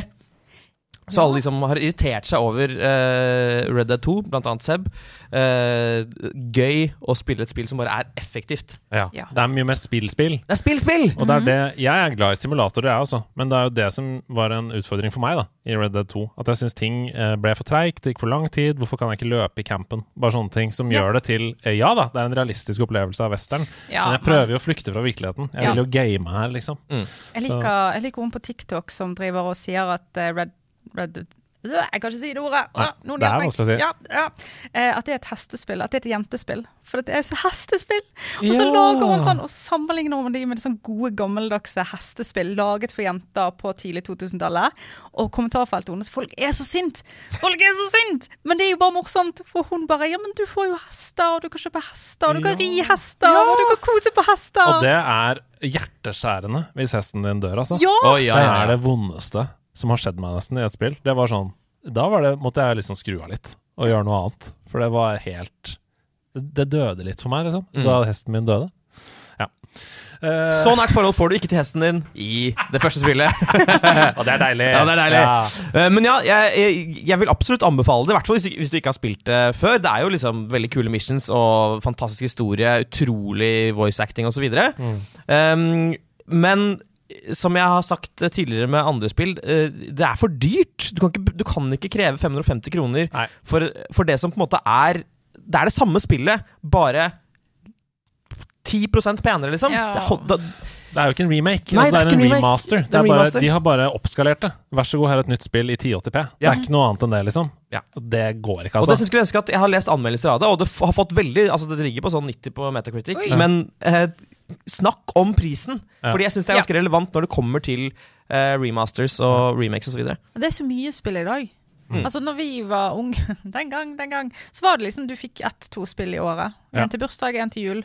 Men i dag så føler jeg det er nesten litt sånn press Ja. på å skal ha alt. 200 kroner, helt greit. Yep. Ja. Eh, og når vi snakker om Super Mario eh, Collection, som var 64, Sunshine og Galaxy, kosta også full pris. Mm. 599, tror jeg. Men det er tre spill. Ja. Altså er det 200 per. Eh, og det var ikke noe bra port, det, altså. Det må bare sies, det var ikke noe bra port av de spillene i det hele tatt. Det fins bedre, eh, helt vanlige, altså lagd av indie-folk der ute, ports av de spillene. Men likevel, det er ikke like grådig, på en måte, fordi det er tre spill. Ja. Så jeg syns at 500 er altfor mye. Noe annet, eller skal vi gå videre? Vi skal gå videre til deg, fordi jeg regner med at du har spilt litt siden sist. Jeg Andreas. har nispilt Starfield. Å, jeg er så misunnelig! for å komme i mål med anmeldelse til offisiell releasedato, som er onsdag denne uka her. Mhm. Og jeg er i mål! Jeg har anmeldt det! Det kommer anmeldelse av Starfield senere i episoden. Det er helt konge. Tenk at vi har anmeldelse på releasedag. Det er helt rått. Ja, det elsker jeg. Så jeg, jeg har ikke gjort annet denne helgen. Jeg har mangel på D-vitamin. Jeg har bare sittet inne og spilt. Eh, så det får dere høre hva jeg syns om etterpå. Men jeg har jo også innsett, som snakka om, at den høsten her er helt insane. Spesielt oktober. Jeg kommer ikke til å få sjansen til å spille noe annet enn nye spill som kommer i oktober. Så jeg har innsett at hvis jeg skulle kunne ha en toppliste på slutten av året, da, som jeg er fornøyd med, som jeg kan stå for, liksom, så må jeg gønne på med de beste spillene fra i år, når det er mulig. Så jeg begynte jo på Final Fantasy 16 i forrige uke. Syns fortsatt det er et fantastisk spill. Jeg må bare si, hvis du ikke er så glad i Final Fantasy, men er glad i actionspill, Mm. eh, God of War osv., kjøp det! Det er et sånt spill! Det er ikke turn-based combat. Det er, ikke, det er et, e- en episk, i ordets rette forstand, fortelling med actioneventyr. Og så har jeg lasta ned Dredge. Ja! Jeg har ikke fått begynt å spille det ennå, men Dredge, for, for, selg meg på dette. Eh, Hasse, du har spilt det litt. Jeg har spilt det. Det, det er kjempekult. Det er både liksom Det, er skummelt, uansett om du er redd for hav eller ikke. Eh, det er eh, veldig kul stil på det. Eh, det er altså veldig sånn Litt sånn Zen-aktig, føler jeg. Altså, Ja. Det å bare dra ut og fiske er veldig sånn behagelig. Og så kan du velge litt sjøl. For du har Ja. liksom dagene du kan bare chille på havet og fiske. Mhm. Og så hvis du vil ha action, så går du ut om natten. Du Mm. gjør det forbudte. Du Mm. gjør det alle sa du aldri skulle gjøre. Mm. Så går du ut. Og så er historien bare igjen episk. Altså, det er Katulu-inspirert historie. Det er bare så bra, og tegningene matcher så bra opp. Mm. Og det er rett og slett bare et, igjen et spill der du kan ta beina litt opp til deg. Ikke sitt med de ned på gulvet hvis du sitter i sofaen, for det her er litt skummelt, men det er så verdt det. Mm. Jeg gleder meg til å dykke Oi! med de Dredge. Vannord. Ja, Vannord. Det er det vi snakker om i dag. Tusen takk for en nydelig første time av Nederlandslaget. Vi går over i del to, og det betyr at vi skal Ha med ting etter ditt behag. Hva har hun med i dag? Er det en veldig, veldig kul ting? Eller har hun tatt med noe som ikke betyr noen ting? Der rimet du ting på ting, det gjør vel ingenting i dag. Nei, det er veldig bra, For det jeg har med deg. Der ble ordet 'ting' sagt syv ganger. Ja, og det, Det er sånn det er i nederlandslaget. Hva er det du har tatt med deg til oss, som vi kan kose oss med å se på? Hun trekker opp en hvit, eh, rektangulær gjenstand med to svarte felter på. Ovale felter og en D-pad. Fortell, hva er det du har? Det her er en Xbox Adaptive Controller. Å, den er kul! Hvis dere ikke har sett den før, dere som hører på, google det. Xbox Adaptive Controller, så kan dere Yes. kikke på den samtidig som vi snakker om den. Det her er hvordan jeg spiller spill. Ja! Fordi eh, jeg sliter Jeg har som sagt leddgikt. ja. Og eh, jeg har lært nå at nå er jeg blitt eldre Lært. Ja, det har du Eh, innsett. Ja. At uh, det er vondt for meg å trykke inn triggers med fingrene mine. ja. Så jeg eh, har da fått tak i en Xbox Adaptive Controller. Sammen med min vanlige Xbox Controller så kobler jeg de sammen. Og så har jeg den på gulvet, og så spiller jeg med beina mine. Oi! Så denne her, er disse to store knappene, Ja. de erstatter trigger buttons bakpå for meg, sånn Ja. at jeg ikke trenger å holde de ned. For det rett og slett gjør at leddene mine hovner opp, Ja. og da greier jeg ikke å spille like lenge. Nei. Og hvis jeg har en dårlig dag, for hendene mine kan også stivne, og de kan liksom bli sånn skikkelig treigt og stivt, og, Mm. så bruker jeg den, for da kan jeg bare sitte med den på gulvet og spille rett og slett med beina mine. Ja. Og det er jo to, to veldig store knapper her. Altså Er det er én knapp én knapp, eller hvordan er det det funker? Så denne funker med at du har et program på PC-en, Ja. og så kobler du eller på Xboxen din, da. Eh, og så eh, kaller du den noe som heter co-pilot, og da kobler han seg sammen med kontroll, så alle spill tror det er bare én kontroller. Ja. Så det er veldig veldig smart. For hvis du noen gang har prøvd å spille to kontroller på et spill som ikke tillater det, så nekter han det. Mm. Og da kan du bare egentlig Du lager profiler. Eh, Du har en knapp her som du bare trykker på, så lager du forskjellige profiler. Og så bare sier du Altså han er logget inn med at dette er A og dette er B, mm. disse to store knappene. Men du kan bare legge inn hva du enn du vil. Mm. Eh, som er en Xbox-kontroller. Ja, for på baksiden så er det mange sånne små Masse felter, hull. Ja, så hvis du har noe som heter GameKit fra Logitech, så kan du bare koble til masse forskjellige joysticks og masse andre buttons, så, så får du store buttons som du kan bruke enten med beina eller armene. Så hvis du sier at du har dårlig finmotorikk, eller du har begynt å skjelve pga. en sykdom, eller du har litt problemer med å bruke disse spakene pga. tommelen din, helt supert. Da kan du bruke denne, og da Wow. får du til å spille. Så det er rett og slett sånn jeg gjør det. Eh, det er derfor jeg sa jeg skulle gjøre Crash, og det er derfor jeg holdt meg litt igjen når jeg sa Crash tidligere. For jeg bare Å, jeg skal ikke, jeg skal ikke avsløre! Uh, uh. Ja. Men derfor så Nå har jeg endelig greid å fullføre Crash. 100% Det er helt i boks. Og det er vanskelig! Ja! Det er så vanskelig Ja! spill! Wow! Og det fikk jeg til fordi jeg fikk tilgang til å spille det med beina mine. Og det var en skikkelig fin opplevelse. Jeg begynte litt å grine, for det, det har ikke jeg fått til siden jeg var barn. Fordi armene mine har Jeg har så mye vondt i armene mine. Og det var så gøy. Mm. Så gøy å endelig liksom føle at ting Oi, ting er litt tilbake igjen til sånn som det var da jeg var unge. Når ting ikke var så vanskelig. Hvorfor gatekeeper man dette? Det kan jeg ikke fatte. Det er en rørende, flott historie å høre, og den kontrollen er dritkul! Ja, det ser ut som en synt. Mm. Ja. Det ser ut som en, noe fra fremtiden. Og det er det som er så gøy òg, for at han ser fin ut. Og det, Ja. det, er liksom det at jeg er jo litt irritert over at alt som skal på en måte være Hvis jeg har helse bak seg, så Ja. ser det ut som mormoren din Ja, sitt. sånn hjelpemiddelsentrale. Ja, ja. Mm. Men hvorfor må det det? Hvorfor må kan ikke- ikke, altså Vi er jo gamere. Så, jeg, så hjemme så har jeg for også et tastatur som er sånn delt, splittet, og du kan tilte det opp på siden. Og det er dødskult. Det har liksom alt, alt det vi nerder vil ha. Det har lys, det har style. Det har gaming, det har nerd. Og det er jo det jeg vil. Jeg vil ha det med tingene mine. Mm. Jeg vil ikke se ut som at streamingrommet mitt ser ut som det hører til gamle tante Olga. Det hører jo til meg. Helt fantastisk. Vi, vi må kjapt inn på PlayStation også, fordi jeg så du hadde lagd en video om deres accessibility controller. Ja. som er in the works. Den har ikke kommet ennå. Nei, den kommer i desember. Den ser litt annerledes ut. Den ser annerledes ut. Den er, så når Xbox på en måte eh, har fokusert på dette her med litt sånn folk som sliter med finmotorikk, eller folk som ikke kan bruke armene sine, eh, så har PlayStation valgt, sånn som jeg har forstått det hittil, å jobbe mer med folk som har slitasjeskader i hendene. Og det tror jeg mange kjenner med. Du har sånn her eh, tennisalbue, eller du har sånne Mm, eh, mm. Det er vondt å bruke tommelen din og Ja. Og det kan alle få. Det er ikke nødvendigvis bare Du må ikke ha en eller annen funksjonsnedsettelse for å få det. Og da er det Det ser ut som rett og slett en ufo med en Med en joystick på. Mm. Og denne her er da laget til at du kan på en måte holde armene dine rett framover. Istedenfor når du holder en kontroll, så må du holde det på siden. Holde det rett framover, og så bruke fingrene på en litt annen måte. Oh, ja. Så eh, knappene er på en måte rundt på denne ufoen, da. Så det blir veldig spennende å prøve. Jeg gleder meg sånn til å prøve den. Fantastisk. Tusen takk for en kjempefin ha-med-dag. Jeg håper alle har googlet disse forskjellige kontrollene mens de har hørt på. Vi skal videre i nerdelandslaget.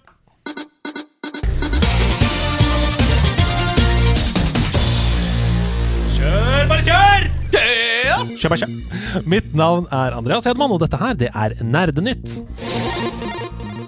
Først til en vemodig gladsak her hjemme, for etter 15 år som en av de aller viktigste pådriverne for å gjøre alvor av spill som kulturuttrykk, sier Jarle Raften Grindhaug takk for seg som redaktør i pressfire.no, og vender nesen mot Tønsberg for å lage spill.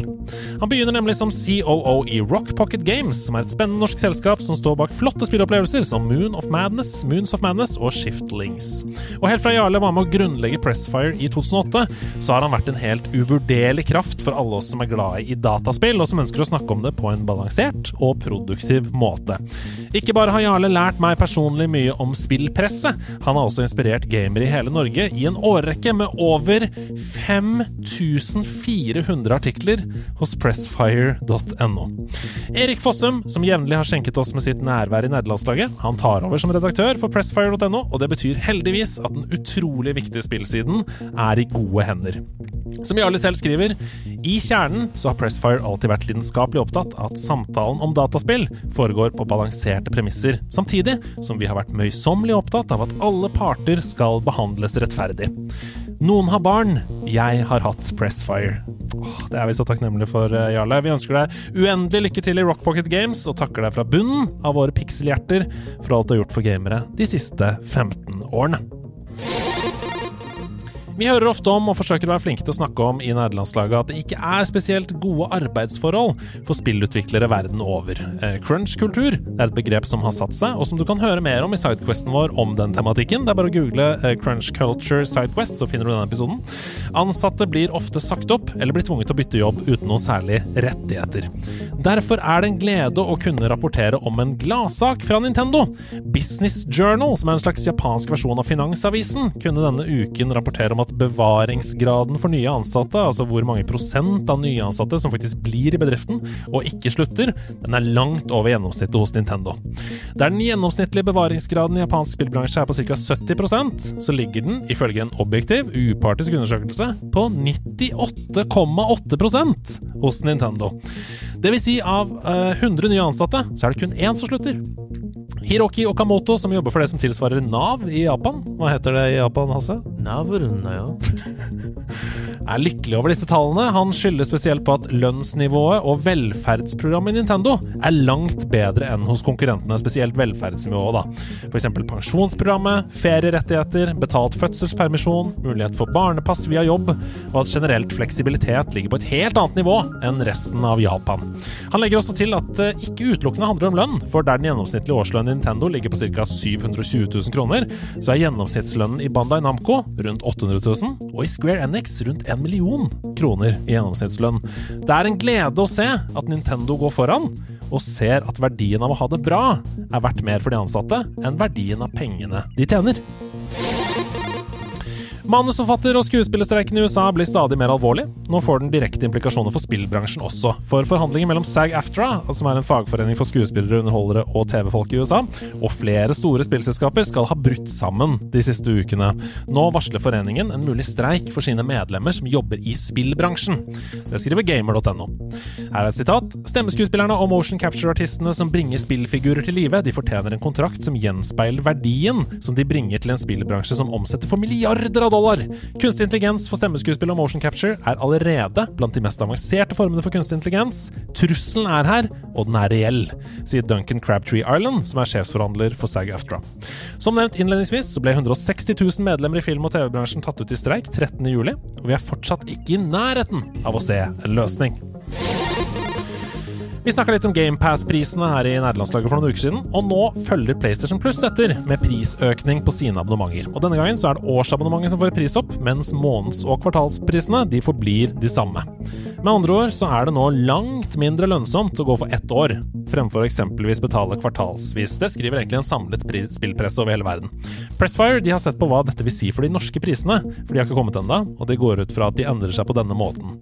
Og Nå må jeg fade ned musikken her litt, for dette må vi snakke om alle vi tre. Um, PlayStation Plus Essential det er jo kun online-spilling. Det er et par gratisspill hver måned. Det går fra 580 til 780 kroner i året. PlayStation Plus Extra, som også gir da tilgang til PS4 og PS5 spillbibliotek, det går fra 970 til 1310 i året. Og PlayStation Plus Premium, som også da gir tilgang på retrospill, det går fra 1170 til 1560 kroner. Det vil si at dette er et prishopp på 30% eller mer for alle nivåene, og at det er nesten 400 kroner hopp for den dyreste varianten. Hva tenker dere om dette? Altså, Hva tenker dere om abonnementstjenester, om dette prishoppet, monopol osv.? Det er en stor diskusjon det her, men dette prishoppet i seg selv, da, 30 Det er mye. Det er mye. Det er mye. Er ikke det mye, Hasse? Jeg syns det er rart når, eh, når de har liksom ligget bak Microsoft så lenge. Eh, altså at GamePass har vært så uendelig mye bedre enn det PlayStation har tilbudt. Og så har de da vært ute med denne nye varianten, er det et år nå? Mm. Eh, og så kommer dette allerede. Jeg syns det er kjemperart sånn ryktemessig og bare Denne tjenesten er fortsatt så mye dårligere enn GamePass at det er veldig rart. Tullete. Ja, for GamePass øker sine priser med bare noen kroner, eh, som de jo må, for det er jo ikke lønnsomt fortsatt. Men, men 30% Det er ingen lønnsforhandlinger hvor man går opp 30 i lønn fra en, et år til en annet. Men de, de tu- 1400 ved et helt år Ja. Ja. Så det er jo fortsatt billig i måneden. Det er jo fortsatt billig i måneden, men det er jo fortsatt Du skal jo ha pengene å ligge ut Ja. der og da. Ja. Og det er ikke bare bare for alle. Mm -mm. For det er de alltid betyrere, og vi tjener mindre, alle sammen. Mm. Og det er jo ikke lett. Nei. Nei, jeg tenker at det er spesielt det øverste nivået, da. Eh, jeg har vært sånn Å betale 1170 kroner for et år er en bra deal. Mhm. Det er uh, under 100 kroner i måneden. Ja. For det er tolv måneder, så det er litt under 100 kroner i måneden. Men når det begynner å bli nesten 1600 kroner i året, da er ikke den tjenesten bra nok. Altså Da kommer jeg til å gå ned til PS Plus Essential, som bare er online-spilling. Ja. Fordi det er så mange nye spill å spille. GamePass er fullt av Altså, Starfield kommer på GamePass dag én. Ja. Mm. Skjønner du? Mm. Det går ikke an å konkurrere med det. Det er sånn Ja, jeg kan spille Final Fantasy 7 med PlayStation Plus Premium, men det er litt sånn Det er ikke nok, liksom. Det er ikke nok i det hele tatt. 30% Det er mye. Det er et høyt hopp. Ja. Og i tillegg når folk allerede nå har lavere lønn enn vi har hatt på veldig lenge, eller vi, vi får mindre ut av lønnen vår nå Mm. enn vi gjorde før, så er ikke det rart. Nei. Det er litt kjipt, da. For det er jo ofte spilling vi kommer til når vi vil uh, rømme litt fra verdens uh, kjipheter. Og, til, og til noe som ikke Det koster jo penger å gå ut av døra, liksom. Så Ja. det å bli hjemme er ofte det billigste. Men plutselig så er ikke det det billigste heller. Mm. Begynne å gå tur i skogen, da. Ja. Skjerpings. Nei, men For å være litt seriøs, da, så skjønner jeg ikke heller helt hvorfor de bare øker på år. Da virker det for meg som om de presser folk til å gå over til kvartalsvis eller månedlig betaling, som jo ikke lønner seg. Nei, det, det vil man jo ikke. Nei, Nei. men det er jo mindre å legge ut der og da, mm. som du snakker om, ikke sant? Det er ikke alle som har 1600 og bare splurger ut med en gang. Mm. Og jeg, synes, jeg, jeg kunne ønske at noen, en eller annen smart person som er mye smartere enn meg For jeg har egentlig en bachelorgrad i økonomi, så jeg Ja. syns det, det er litt gøy å være litt nerd på det. Mm. Og det, jeg kunne ønske at noen på en måte For det sies jo at spillindustrien er verdens største industri. Ja. Det vil si at det er så mye penger der ute. Mm. Hvorfor da sliter så sinnssykt mange spillselskaper, og vi må gjøre sånne ting som 30% hopp? Mm. Hvorfor må vi det på verdens største industri? Skulle ikke de vært litt mer stabile? Hvor er pengene? Mm. Hvis det er verdens største industri, hvor er, hvor er de pengene? Hvor ligger disse pengene? Mm. Jeg har lyst til å se noen smarte snakke om det. Mm. Hvis du er smart, send inn til oss i nederlandslaget. Hvor ligger disse pengene? Eh, skriv det på mail eller osv. Vi skal videre til værmeldingen. Oi. Den aller største nyheten i værmeldingen denne uka her, det er selvfølgelig stjernetåken som legger seg over Melkeveien i morgen. Onsdag 6. september er Starfield her! Sju, sier Todd Howard i Bethesda. Det er det store RPG. De har jobba med det i over ti år. Nå er det endelig spillbart for alle, inkludert i GamePass. Anmeldelse, som sagt, senere i denne episoden. Skal dere spille det? Ja. Ja. Jeg har jo fått jeg vil, ikke si noe, jeg vil ikke si et ord om din anmeldelse, Nei. men jeg har fått høre den. Ja. Fordi jeg, får, jeg har sånn eh, abonnementstjeneste der jeg kan få høre dine anmeldelser en dag før. Ja. Og jeg fikk kjempelyst til å spille. Ja, spennende. Ja, det blir gøy, det. Ukas rareste nye spill som kommer derimot. Og kanskje nydeligste nyhet for oss som er glad i at spillmediet gjør ting som ingen andre kan. The Many Pieces of Mr. Coo kommer denne uka her. The Many Pieces of Mr. Cool. The Many Pieces of Mr. Coo. Han er Mr. Coo, han er mange pieces, han er Mr. det. Eh, det er ute torsdag 7. september. Det er altså noe så gøy som et surrealistisk håndtegna pek og klikk-spill. Du, det tror jeg jeg hørte om. Som ser ut som snytt ut av nesa på spill som f.eks. Grim Fandango, da, fra gamle dager. Eh, med andre ord så får vi morsomme puzzles, tullete animasjoner, som ser helt utrolig lekre ut, for det er jo håndtegna. Det ser sykt fett ut. The Many Pieces of Mr. Mr. Coo. Coo. Og ikke cool. Coo. Ja, C-O-O. Eh, ute på absolutt alle konsoller og PC eh, nå på torsdag. Så tar vi med en nydelig ny farming sim, som ser ut som en blanding av Animal Crossing, Dreamlight Valley, Stardew Valley. Er noen fans eh, av de koseopplevelsene. Det er det der ute. Alle kosefans, de koser seg nå. Jeg snakker om Fay Farm, som er ute på Nintendo Switch og PC. Nå på fredag, 8. september. Da kan du oppleve små og store historier, drive din egen gård, dyrehold og kønn. Eller korn, da, som det heter på øh, østlandsdialekt istedenfor Hamar. Uh, og kose deg med en veldig, veldig veldig søt verden, som er fylt med farger og stas. Det høres ut som et uh, comfort-spill å streame. Faye Farm ute nå på fredag. Og så tar vi med at et av tidenes beste spill, Baldur's Gate 3, også er ute på PlayStation 5 og Mac onsdag denne uka her. Så hvis du har en Mac, altså Jeg har en Mac. Du har en gaming-PC òg? Jeg har det. Jeg tror jeg velger Game PC Ja. Plukk det opp, da. Shabasha! Kjæ. Shabasha! Kjæ. Mitt navn er Andreas Hedman, og dette her, det var Nerdenytt. Anmeldelse i nerdelandslaget. Dere får ikke bare én anmeldelse denne uka, her, dere får to anmeldelser! Og det er to av årets mest eh, forventede spill, nemlig Armored Core 6 og Starfield. Og først ut er Sebastian med sin Armored Core 6-anmeldelse. Han har sittet inne i Fromsoft sin verden de siste ukene. Har, du, har dere noen forventninger til Armored Core 6? Nei. Eh, nei, ikke utover at jeg kommer til å eh, spille det uh, etter hvert. Ja, Vi får høre hva Sebastian syns først, og så gjøres opp en mening etterpå. Oh.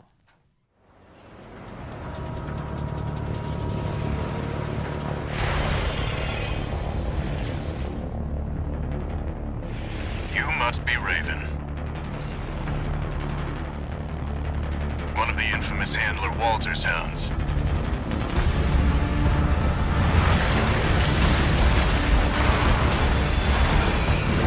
Interesting.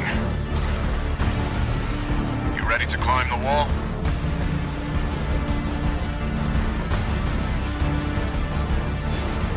That's the Juggernaut, a heavy mobile cannon. I wouldn't recommend taking it head on. Up with Steel Haze. I'll distract it while you hit its blind spot. Watch out, it's coming.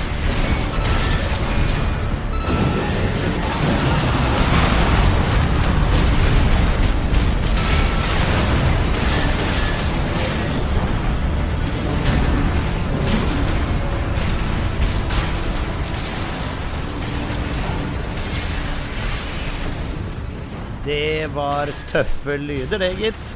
Og for det trente øret så er det ingen tvil. Dette her er Mech Combat. Og ja, det er det. Jeg har nemlig spilt Fromsoft sitt nye spill Armored Core Flames of Rubicon. Dette er et spill som har tallet 6 i tittelen. Eh, og det kan jo skremme de fleste, men, men dette er ikke Politiskolen, så, så du trenger ikke å ha sett de tidligere, eller ha spilt det tidligere, da. Og det er det heller ikke så mange i Vesten som har gjort. Dette er nemlig første gang det er en Armored Core-tittel som er annonsert og utgitt med oss her i Vesten i kikkerten. Eh, og, vet du hva, det kan vi takke FromSource for, for de har tatt viktige formater tidligere, og stiler, og gjort de tilgjengelig for alle. Vel, la oss starte med historien her. We're close to Rubicon. Wake the dog up. Handler Walter verified. Activating cerebral coral control device. Augmented human C4621 has awakened. Altså, en, en ressurs som, eh, som forskjellige ville ta eh, Noen factions eh, Du er en aktør som kan velge hvem du jobber for Altså, alle vil ta tak i det samme på planeten Ru- Rubicon. En, en, altså, å, så en hemmelig fyr som du snakker til, Altså, Ja, ja. Vet du hva, det er egentlig det inntrykket jeg sitter igjen med. Det er lite Altså, det er lite engasjerende. Altså rett sånn historiemessig. Altså, det er nok her, men prestasjonen er meget slapp. Mesteparten av kommunikasjonen skjer via sånn radiokontakt på Voice. Picking up signals from AC Rex. Follow the markers. Og før hvert mission får du en brief i bilder. Det blir litt som når sjefen formidler eh, kjerneverdier på jobben din. Ok, som anmelder så spiller man alltid litt under tidspress. Og her fenget ingenting i historien dypere, rett og slett. Så, så jeg veit ikke hva som egentlig er viktigst for de forskjellige faksjonene her. Altså, jeg veit noe, men jeg vil ikke spoile noe. Så vet du hva, jeg sier historien er så som så, og så legger vi den der. Og det er synd. Fordi kanskje finnes det mer, men det som finnes er uansett nok for å drive meg videre i spillinga. Og det er det som er stjerna her, nemlig selve spillinga. Altså, dette er et spill hvor du kjemper i tredjeperson, i en mekk du lager sjøl. Noen enorme muligheter for customization. Taktikk, kreativitet og skill er viktig. Altså, dette er altså noe av det råeste actiontaktiske skill-baserte høyoktangs actionkjøret jeg har vært med på. 50%.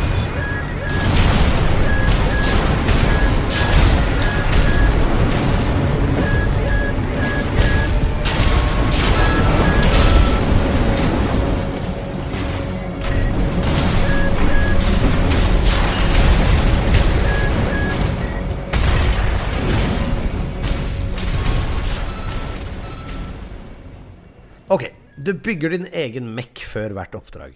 Det er fire våpenslots.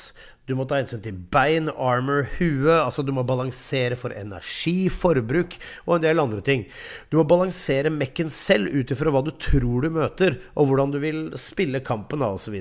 Du unlocker mer underveis, og checkpointene i spillet er veldig snille, så du kan customize på nytt da, om du har bomma med loadouten. Dette gjør at spillets kjerne blir å prøve og feile og skaffe seg skills, oppgradere og vurdere hver kamp. Jeg har sjelden kost meg så mye med å tenke og plotte ut loadouts, altså når det treffer og du vinner en spektakulær kamp. Altså, da står jubelen i taket. Du kan også gjøre en masse visuelle grep, sånn som farger og decals. Du kan til og med customize dine egne decals. Altså, så mekken, den føles alltid som din. Etter ca. 14 timer så var jeg gjennom historien og hadde måttet bygge utallige forskjellige builds. Historien ga meg lite, men combaten, variasjonen, presisjonen og den pulsen jeg fikk, gjorde det en nydelig opplevelse. Det er også en mode hvor du battler vanskeligere og vanskeligere mex, eh, PVE, som unlocker ting du kan kjøpe, gir deg mer penger å bruke osv. Og, så og du tar også med deg alt du har i New Game Plus. Og der er det masse flere branches du kan utforske, ekstra missions som unlockes og slikt, har jeg lest, så undertegnede kommer til å spille igjen. Og så er det PVP, da. Å ja da. Jeg fikk ikke spilt så mye, men denne fyren kommer tilbake! Her er det 1v1 eller 3v3, og du kan tenke deg da alle customizations og alt det der. Jeg kjenner at dette her kan bli en obsession. Lyddesignet herjer, det smeller som bare filleren, og så episk musikk, da. Bare hør på dette.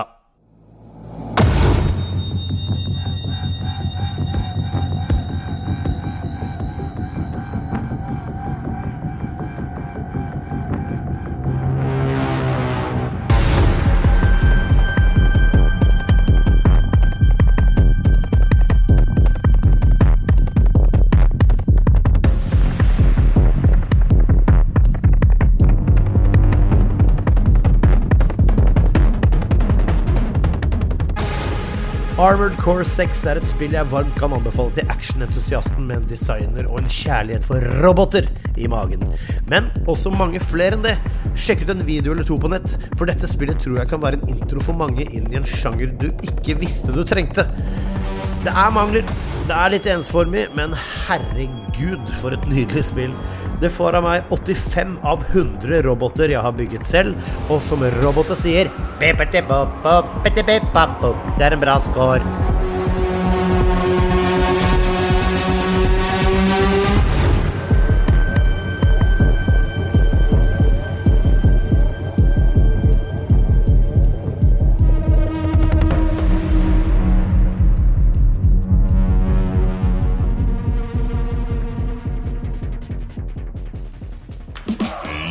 Hjertelig velkommen til Norske spalthenter!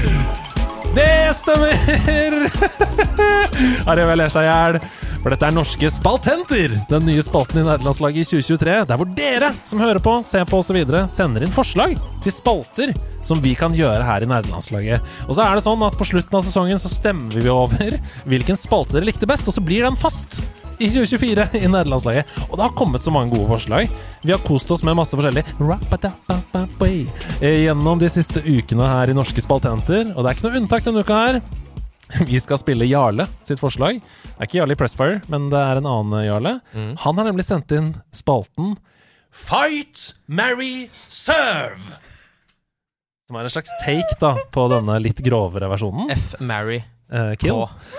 Fight, Mary serve er en spalte der vi skal diskutere tre spillkarakterer som vi skal slåss med, eller gifte oss med, eller jobbe for. Ah, det er spennende. Dette kan dere også gjøre hjemme, folkens. Finn på tre spillkarakterer, og så diskuterer dere med hverandre. da Har dere gjort noe lignende som dette før? Har dere gjort uh, disse lekene? Bare den originale leken som har et grovt ord i begynnelsen av seg. Ja. Ikke denne versjonen. Nei? Nei.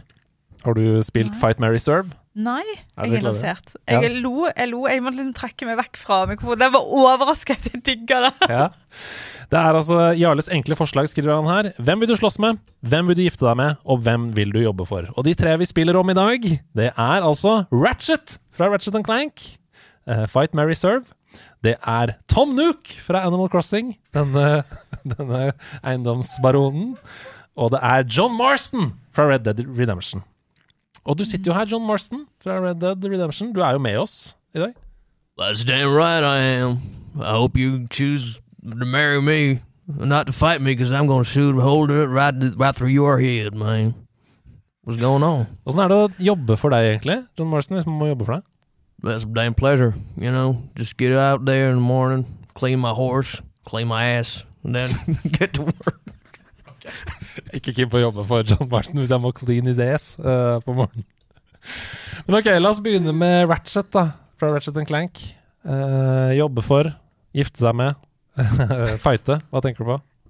Er liten, da. Er liten, ja. Ja, Er du kjønns... Nei, høydediskriminerende? kanskje jeg kunne greid å slåss med han. Å ja. Jeg Ja. slåss med deg. Ja, for du er jo ganske høy kvinne selv. Ja. Så det er jo vanskelig å kanskje være gift med en som er såpass mye lavere enn deg. Altså, nå snakker vi 60 Ja. centimeter høy. Jeg tenker bare liksom av alle å fighte med, for det, jeg, jeg tror ikke Tom Nook er Han tror jeg ikke er fair i en fight. Å, han, han kjøper seg fordeler. Mikrotransaksjoner. Og så du, oh, ja. du bare Jeg tror jeg skal liksom slåss med deg, men Ja. så ender jeg opp med å slåss mot en sånn gigantisk ting som bare knuser meg på to sekunder. Ja.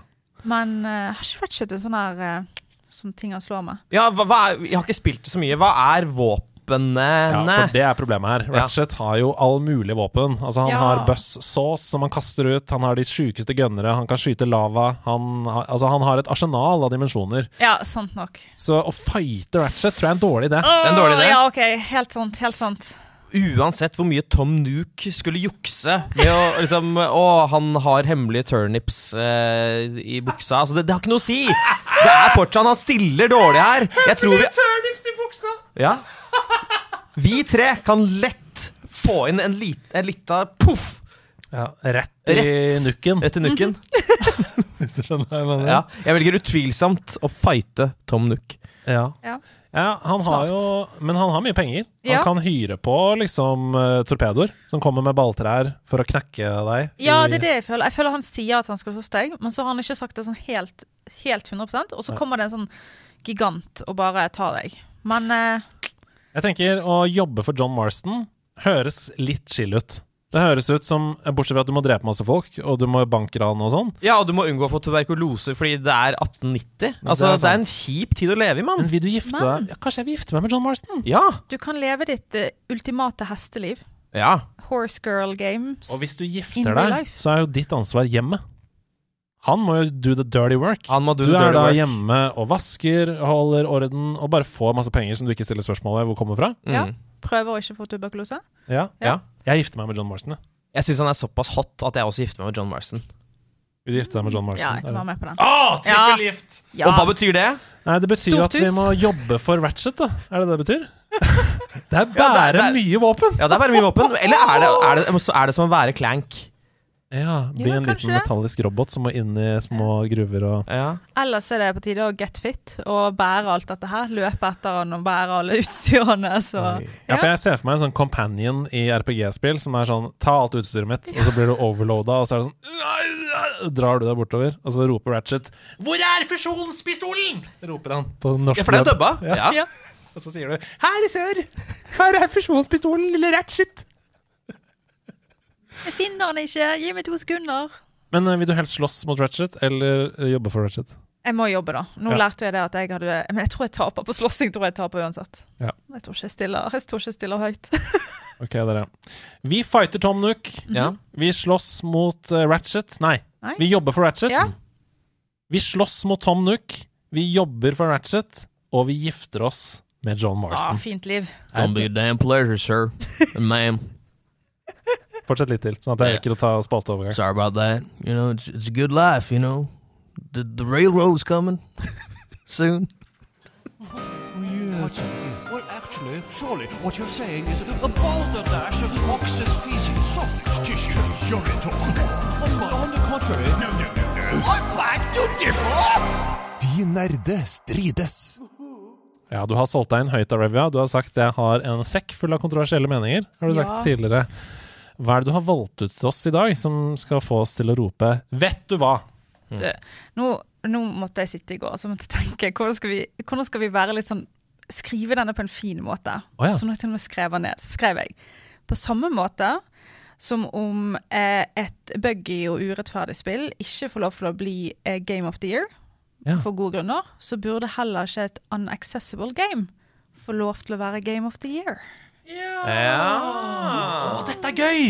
Dette er spennende område å prate om. Um, jeg syns ikke det er shots fired, men det er jo kontroversielt. Fordi uh, Ja, men fortell. Hva er det du, hva er det du utdyper? Nei, altså for det jeg tenker liksom litt sånn at Når et spill som skal på en måte få tittel Game of the Year, når vi som sier det kommer så sinnssykt mye spill, og når da på en måte ikke greier å gjøre det basic og da snakker jeg om liksom innenfor sine rammer, da. Altså Selvfølgelig er det Stardew Valley laget av én person. Kan vi forvente mindre av, og bør forvente mindre av, enn liksom Elden Ring. Ja. Og det er jo da, da sier vi det ulovlige ordet. For Mm. det er alltid noen som er sur. Men Ja, For du syns Elden Ring er et lite accessible spill? Ja. Oi! det jeg, jeg har ikke sett accessibility options der i det hele tatt. Er det fordi det ikke fins? det er veldig få. Oi. Og, og de Miyazaki! Ja! De skjuler seg bak dette her med at men det skal være vanskelig. Og det er helt Accessible spill kan være vanskelig òg. Mm. Men altså å eh, gjøre HUD-sizen din større, Ja. det gjør ikke spillet mer og mindre vanskelig. Ja. Ja, vet du hva? Jeg er helt enig. Fordi eh, det betyr ikke at det må være der som standard. Nei. Men som en tilleggsfunksjon. At Ja. du kan eh, opp, altså gjøre HUD-sizen større. Ja, og det trenger ikke ta vekk liksom den sjarmen med at det skal være vanskelig, og liksom denne liden, li, å kunne lide som folk som liker sånne spill, synes er kjekt. Mm. Det kan fortsatt være der, Men, men, la oss utfordre deg litt på det, da. Hva tenker du om f.eks. Quest Markers? da? Bør det være et alternativ å skru på? For det er jo stor, et stort poeng med Elden Ring at det ikke er der. Fordi du skal være immersed i opplevelsen osv. Jeg synes det er litt viktig å tenke på at det må være litt ut ifra hva er det du vil. Hva er kjernen i spillet? Alle spill tror jeg du kan sitte ned og si sånn ja, to, tre, fire, fem kjerner. Hvis det ene kjernen er det at du skal være immersed i spillet, så kan det la være å gjøre det. Selvfølgelig, jeg kunne jo ønske det. Min personlige mening er at alle spill skal ha alt i hele verden. Men det går jo ikke. Jeg, jeg er forståelig nok at det ikke går. Men da synes jeg at det er litt sånn De skulle i hvert fall fått trekk. Kanskje de kunne fortsatt Hvis det er et så genialt bra spill at liksom det er bare top of the world, men så er ikke det accessible i det hele tatt, så blir det litt sånn mm. Og det er sånn det, Vi ser det igjen og igjen. Triple A-spill, folk som har pengene, og jeg som økonom igjen, vet jo at du får igjen in the end game hvis du adder accessibility. Begynner du tidlig, tar egentlig ikke så mye penger å adde det til, og du får det igjen etterpå. Og da er det sånn, ja, men hvorfor? Hvorfor i 2023 Mm. har vi ikke da addet ting? Og da synes jeg rett og slett at hvis du har glemt hele den greien, Eller ikke har vilje, da. ja, rett og slett, kanskje ikke vondt i viljen, så så fint heter, da bør du bli trekke masse poeng for å være Mm. Game of the Year. Jeg har, eh, For moro skyld så har jeg bare gått eh, tilbake de tre siste årene på det som liksom har blitt kåret til Game of the Year mest av Ja. flest steder. Eh, og i, I fjor var det jo Elden Ring, da, men eh, i 2019 var det Sekiro. Jeg regner med at eh, accessibility der er like bånn i bøtta som Elden Ring. Jeg vet ikke. Jeg Har er du litt usikker. ja. Ja. For det er jo også sånn at for eksempel så skal du eh, Når du skal vite hvor du skal gå, så blir du bare geleidet av vinden. Du stryker over PlayStation-kontrollen, eksempel, og så får du vind i den retningen du Ja. skal gå. Mm. Det er jo veldig lite accessible Ja. for mange, da. For mange. Er ikke det Ghost of Tsushima? Jo, nå snakker jeg om Ghost of Tsushima, ja! Ja, selvfølgelig. Nå blander jeg spill. Uh, Sekiro, ja. Selvfølgelig. FromSoft-spillet. Ja, Herlighet. elendig. Hører ikke på hva du snakker Nei, om. nei, det går helt fint, Andreas. Jeg venter der. Nei, men Sekiro, ja. Nei, da tror jeg også, for det kommer fra samme selskap, så vil det være veldig rart Ja. om det er noe mer Mm. der. Last of Us Part 2 i 2020. Det er jo helt fantastisk. på Bra accessibility, ja. Det er en av verdens mest accessible spill. Mm. Du, kan ta, altså, du kan spille det spillet hvis du er helt blind. Det er, det er et helt utrolig spill. Ja. De har lagt ned så mye jobb i accessibility der. Jeg så en, den vi alle har sett, han Mm. youtuberen som er eh, 90% blind eller noe sånt, som gråter og gråter og gråter mens han utforsker options, fordi han bare sier 'There's so much here'. Mm. There's so much here. Han bare skjønner sånn 'Jeg kommer til å kunne spille dette spillet'. Det er råtøft. Altså, og det er så kult, og det fortjener så mye. For det er også, Greien er bare det at vi alle kommer til å bli gammel. Og vi alle kommer til å slite. Men, men og accessibility er jo ikke bare som for de som kommer til å begynne å slite, eller sånne som jeg som har sykdommer. Men altså, hvor mange av oss har knekt armen en eller annen gang, da? Eller at vi er veldig opptatt. For eksempel sånn, jeg har en kollega som fikser Steam Deck. Og så sa han at nå kan jeg endelig spille, for, fordi at jeg kan ikke sitte med PC-en, for PC-spill kan ikke jeg pause. Som oftest. Men nå kan jeg bare sligge ned Steam-dekket. Så når ungene, for han har unger, og de lager mye lyd og lager mye sånn som unger skal, og løper rundt, men når han trenger å være der på to sekunder, for ungene trenger han, så kan han det. Det kan han med Steam-dekk. Mm. Så pause, da. Gi pause i spill. Men hva tenker du, jeg må bare komme til bunns i denne Man bør ikke kunne vinne Game of the Year hvis ikke man har med disse options. Hva tenker du om oss som anmeldere? Bør vi også legge det inn når vi anmelder spillet? Ja. For det er jo vår subjektive opplevelse vi prøver å anmelde. Som jeg kunne ønske at spillermennere generelt var litt flinkere til å ta det med. Altså i hvert fall vise til det. Dette spillet har sånne accessibility, dette spillet har ikke accessibility. Ja. Jeg kan forstå at det er vanskelig å sitte seg inn i for det er en helt ny venn, og det kan være skummelt, men det trenger ikke være noe mer enn å vise options. Ja, hva er det som finnes her? Hva er det som liksom? finnes i dette her? Hva er det som ikke finnes i dette? Og det tror jeg er litt Jeg kunne ønske det. Men nå skal det også sies at eh, jeg, for eksempel Det finnes spill eh, som gjør reviews her i Norge, som har spurt om jeg kunne komme og gjøre. Ja. Kan, du, kan du komme og snakke om de spillene du har snakket om her, og skrive eller snakke for oss? Jeg har ikke tid til alt. Nei, ikke sant. Så jeg vet de vil. Jeg vet de vil. Men det burde, det burde i fall Det burde hatt en liten eh, checklist, på en måte. Er, er, har det mange options, eller er spillet For eksempel, kan du spille dette hvis du er fargeblind, for eksempel? Men hallo, dette syns jeg er en eh, ypperlig anledning til å appellere til f.eks. Fritt Ord. da. En stiftelse som handler om disse tingene. Som gir eh, stipender og penger for å vise bredde i ulike ting. Kan ikke Arevia få jobb, da? Kan ikke Arevia jobbe med dette? Og Ja. anmelde spill med accessibility som utgangspunkt? Fra, fra stiftelser som Fritt Ord eller, eller lignende. da. Det finnes jo masse steder som er villige til å gi penger til en sånn ting. Ja. Og det handler ikke om at du skal bli millionær på dette, men bare at du kan leve av det. Ja. Det mener jeg er en øh, Det hadde vært Ja, jeg sier det nå. Kjør, bare kjør. Fritt. Kjør, bare kjør. Nei, men øh, er det en slags gullstandard vi må komme fram til, da, som er et stempel, et sånt svanemerke, liksom? Ja, gud, det Eh, kult. Som kan stemples på spill. Sånn at når du ser det i nettbutikken eller hvor som helst, kan du si sånn 'accessibility approved', liksom. Det var kult. Eller det, det kunne på en måte vært sånn når du tekster på TV, så har du en sånn, du har en sånn BBC-ting du går etter, og så tenker du at ja, men da vet vi hvordan det skal være. Det burde vært en, en guide. Det, spillselskap, Noen spillselskap har det, jeg tror det er Ubisoft, som har en sånn Ingen spill kommer ut fra oss hvis ikke de har denne ja. listen. Og, og da er det sånne ting som tekststørrelse, og at på en måte hvis det er noe som krever lyd, så kan du også se det, og ja, motsatt. Og omvendt, ja. Mm. Mm, For det er jo sånn det som er i The Last of Us Part 2. Altså Hvis du ikke kan se, så kan du fortsatt få lydcues for hvor fiendene kommer fra, for eksempel. Som er veldig bra. Det, og det trenger ikke å være så mye. Det, det er så lett å på en måte bare dykke ned i en sånn rabbit hole når du begynner å se om accessibility, for du tenker men jeg skal greie alt i hele verden, og det er det ingen som får til. Det er ingen spill som er accessible for alle. Men vi burde i hvert fall ha et sånt Dette spillet er minimum. Du har options til å slå av og på, og du kan lese det i stor og liten skrift, og du, kan, du trenger ikke f.eks. høre for å spille dette spillet. Utrolig spennende. Dette er lite utforsket område, men uh, forhåpentligvis blir det masse mer av det framover. Mm. Tusen takk for en kjempebra Den Nerde strides-mening. Vi skal videre til Tidas av the Spieldam.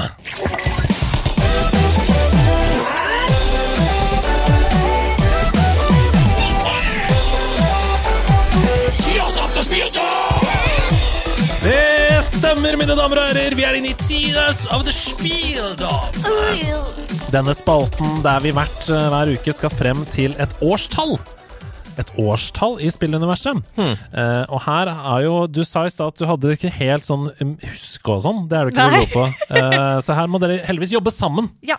Så det er bra. Hjelp hverandre. Utfyll hverandre med kunnskap, og da detaljkunnskap om år, som du er god på. Altså. Nei, ikke la det med det.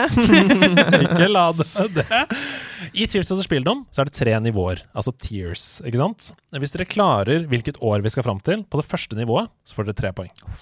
Hvis dere klarer det på andre, to poeng. For siste, som er, skal være ganske lett, så er det ett poeng. Men hvis dere bestemmer dere for å svare på tre poeng, da har dere låst svaret. Så med andre ord, da får dere ikke gjette mer. Eh, og der er risk reward, liksom. Skal vi gå for tre poeng eller ta et hint til? Da kommer jeg til å lese hintet for to eller hintet for ett, og så blir det sånn Nei! når dere hører det. Eller ja! Ja! Så det blir spennende uansett. Det blir det. Eh, men det er jo uansett mye viktigere å få poeng enn å ikke få noen poeng. Så mitt klare entydige råd, for det er mange som har bomma på denne spalten hittil Vi har bare, vi har bare greid å få to poeng siden denne nye sesongen. Gå for flere hint, liksom, hvis Oi. dere er litt usikre. Det er mitt klare entydige råd. Eh, det er en um, poengscore inne på nederlandslaget.no, som dere da kommer opp på lista hvis dere får poeng. Ok, Vi begynner med det første hintet. Vi skal altså fram til et spillår. Og for tre poeng så skal dere få vite at i dette spillåret her så treffer en vanvittig potetgullnyhet Norge med storm.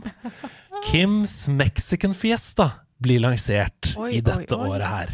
Hvilket spillår er det vi skal fram til? Det året Mexican Fiesta blir lansert. Dette er helt syke greier han kommer med. ja. Det er imponerende. Om det er imponerende, ja. Har du lest på baksiden? Jeg leser altfor lite på baksiden. Jeg ser veldig mye på forsiden av, av uh, chipsposer. Uh, altfor lite på baksiden. Men altså, det er eh, jeg, jeg tror uh, Mexican Fiesta Jeg husker at det var hot shit sånn rundt 2009-2010. Uh, jeg tror det er rundt der. Det kan også være 08. Jeg er null i det. Ja. Jeg er helt lost. Jeg nå, men nå vet jeg hva jeg skal kjøpe når jeg kommer på hjem. Jeg kommer hjem til Bergen og Ja. bare Du, i helgen, så skal vi teste noe nytt. Dere har fått Mexican Fiesta i Bergen? har dere Ja, jeg tror det. Jeg tror det. Ja. Vi har importert det. Ok, ja. Men eh, ja, vi kan jo ikke gå for noe Nei, her. Det er, jeg bare tror det er i den ballparken. Men, ok, eh, ok, ok. Så dere velger å gå for topoenghintet? Ja. Ja. Okay. Mm -hmm. Her kommer neste hint, og vi skal få høre et megatøft lydspor fra et spill som kom dette året. Hvilket spill og hvilket år skal vi til nå?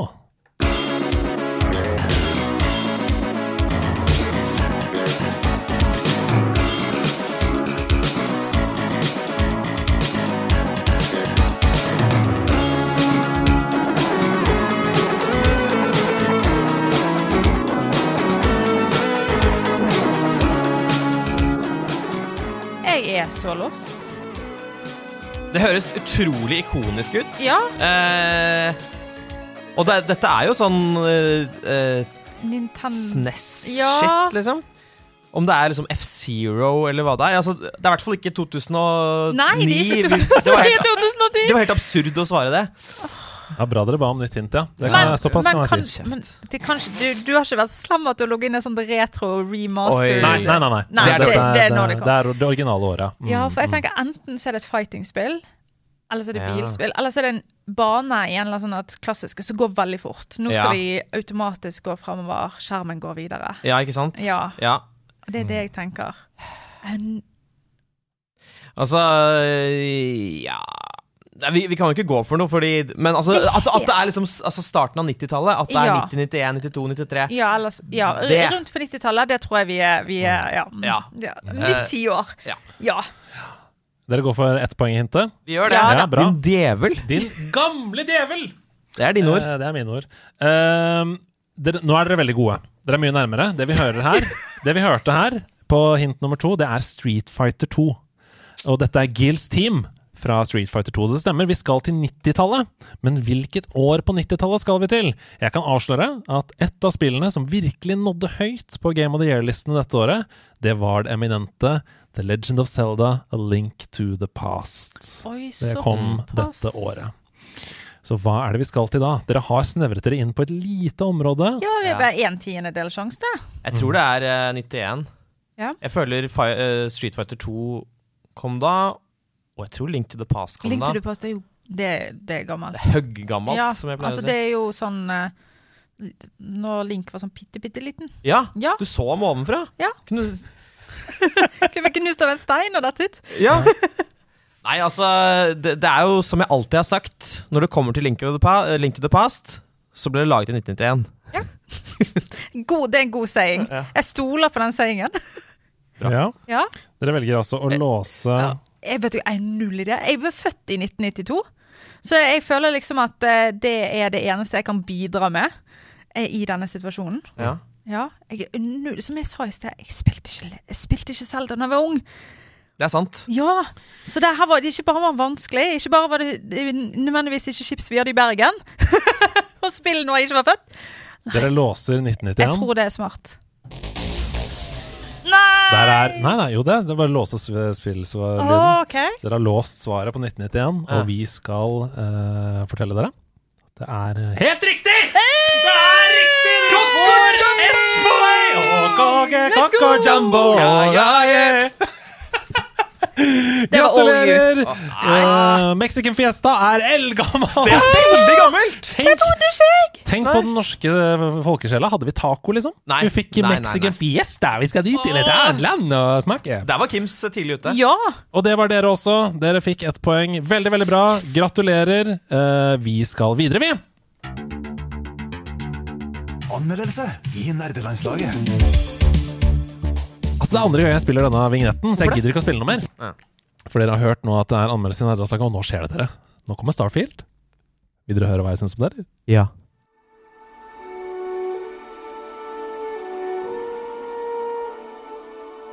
We choose to go to the moon. We choose to go to the moon in this decade and do the other things, not because they are easy, but because they are hard. For the eyes of the world now look into space, to the moon, and to the planets beyond. Even though I realize that this is, in some measure, an act of faith and vision. For we do not now know what benefits await us. Datoen er 7. mai i år 2330, og det er 230 år siden de første menneskene forlot jorda. Og her er jeg, Emilie Elvesand, på vei ned en gruvesjakt på jakt etter en mystisk gjenstand. I hvert fall føles det som om Emilie er meg, for tyngden bak Bethesda Starfield tok meg som spiller allerede fra jeg hørte vignettmusikken, og så Starfield-logoen i hvitt på svart lyse mot meg i spillets åpningssekvens. Det er vanskelig å ikke la seg prege av stundens alvor. Endelig så får vi lov til å reise ut i verdensrommet med Starfield, som et av verdens største spillselskaper kaller sitt magnum opus. Welcome to Constellation. We have a lot to talk about. Would you care to tell us what happened to our friend? Why you're here and he isn't? Og for å få det ut av veien med en gang, Starfield er et 100% klassisk Betesta-rollespill. Vil si at du som spiller skal lage deg en karakter med en bakhistorie og noen personlige egenskaper, og så sette ut på en reise der du skal veksle mellom å snakke med folk og skyte dem i fjeset. På ekte Betesta-vis så skal du også, på veien gjennom hovedhistorien, bli ettertrykkelig distrahert av alt sideinnholdet du møter på, i så stor grad at du glemmer hvor du var på vei i utgangspunktet. Og det elsker jeg. Og For å fortelle deg litt om hvor jeg kommer fra. Hele The Elder Scrolls-serien er en stor personlig favoritt for meg, og jeg beundrer Betestas evne til å skape meningsfulle karakterer og historier i levende, troverdige verdener, men jeg er likevel ingen ukritisk Betesta-fanboy. Jeg syns f.eks. at Fallout 4 var ganske kjedelig, og Fallout 76 det orker jeg ikke snakke om engang. Ettersom Starfield har blitt omtalt av Todd Howard, altså Betestas legendariske executive producer, som Skyrim in space, så var det vanskelig for meg å ikke riste av forventning idet jeg tok mine første steg ned i gruvesjakten jeg nevnte innledningsvis.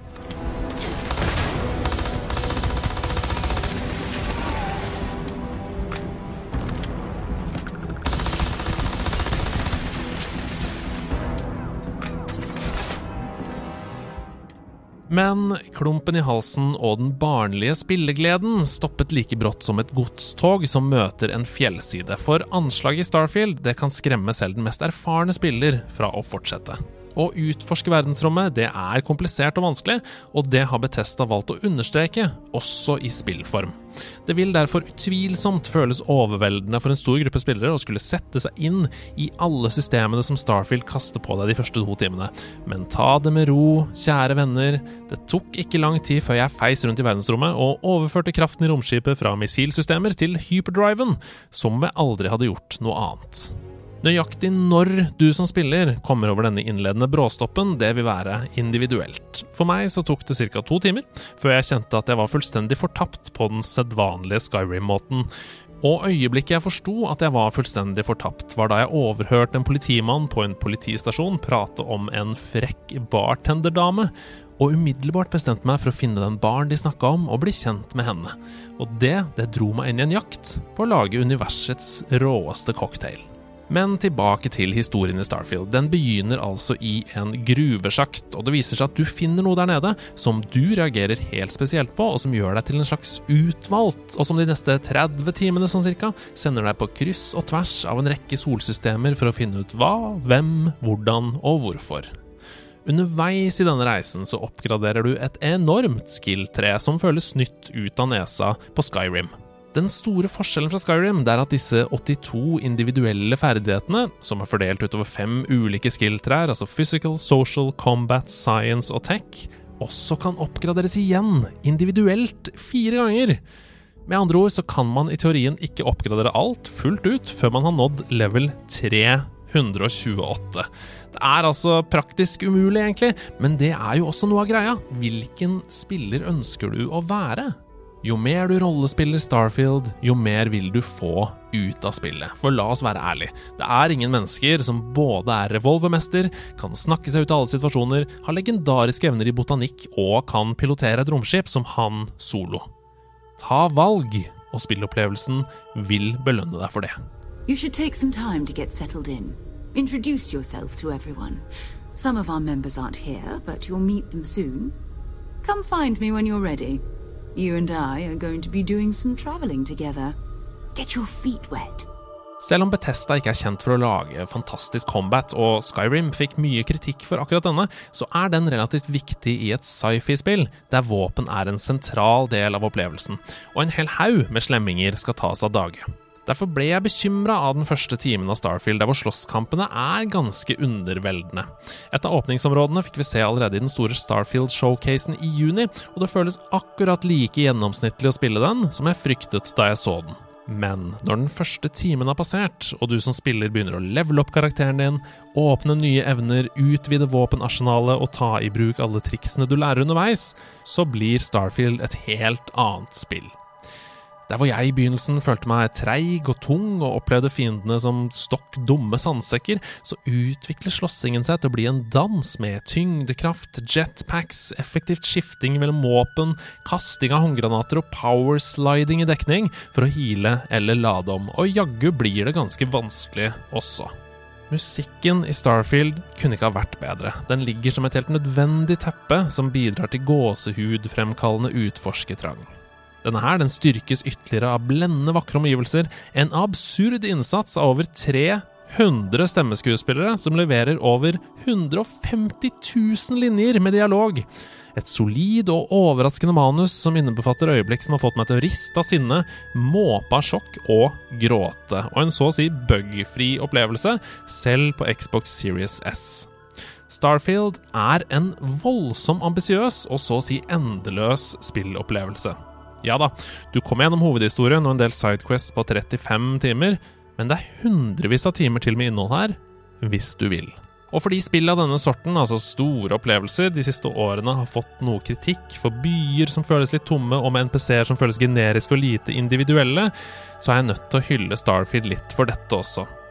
For her er det nemlig plass til alt fra Akila City, som er en slags makeshift westernby ute i en ørken med whisky og bankranere, til Neon, en lovløs cyberpunk-by fylt med kjemisk narkotika, housemusikk, utskiftbare lemmer og gjenger med fremtidsrustning og laserpistoler. Thanks to your help, I was able to trace the power drain. So that's something that I'll need to deal with. That'll be fun. If you want to tag along, I certainly wouldn't complain. But if not, then this is where we part ways.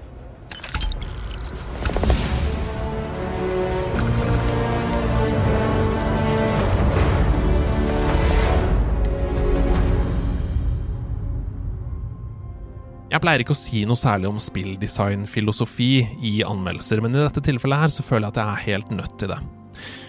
For i motsetning til Nintendos Tears of the Kingdom, så er det for meg helt åpenbart at Bethesda vil at du skal spille Starfield på én bestemt måte. De bare klarer ikke å uttrykke det så godt. Starfield rives nemlig mellom to myke selskaper, Ubisoft og FromSoft. Spillet vil så veldig at du ikke skal følge hovedhistorien slavisk og bare gjøre hva du vil, men den tør ikke å fortelle deg det rett fram, i frykt av å miste det som FromSoft ble hyllet for, nemlig lite håndholding. Derfor vil nok mange som er vant med tryggheten av Ubisoft, og egentlig også Betesta-markører på et lite kart nede i hjørnet, bare kjøre på med hovedhistorien fra starten av og forholde seg til spillets rammer. Det vil jeg gå så langt som å si at det er feil måte å spille Starfield på. For det kommer til å gi deg en begrensa og litt irriterende spillopplevelse, så vær snill, tørr å leve i Starfields univers. Spreng grenser, utforsk. For å sette det i perspektiv, i både Skyrim og i Starfield så er det viktigere for meg å redde enkeltindivider enn det er å redde verden. Jeg elsker å være en innbygger i universet, hoppe over gjerder som tar meg vekk fra oppmerkede stier og oppleve små, koselige, finurlige og interessante historier. Derfor surra Emilie Elvesand fra time 7 til 15 i min gjennomspilling rundt og hjalp en DJ, spionerte på et større tech-firma, ble politi, valgte side i et blodig gjengoppgjør, smugla ulovlige varer, jobba litt som journalist og ble forelska. Mens hun stoppa opp for å ta bilder i photomode hele tiden, og dansa litt på en nattklubb. Poenget mitt her er, vær så snill å bytte mellom å spille hovedhistorien og sideoppdrag. Surr rundt, plukk opp små monologer og dialoger. Ikke vær redd for å kaste bort tiden. Husk at tid som du nyter å kaste bort, ikke er bortkasta tid. Av manglende markører på kart og lite håndholding, så både bør og må du, som i gode gamle dager, spørre litt rundt i virkeligheten for å finne svar på ting du lurer på. Lurer du på om det er en måte du kan slippe å ta av deg romdrakten på når du er ute og inne? Eller hvordan du kan kjøpe ammo, f.eks.? Google eller Discord er din venn. Ikke vær redd for å spørre.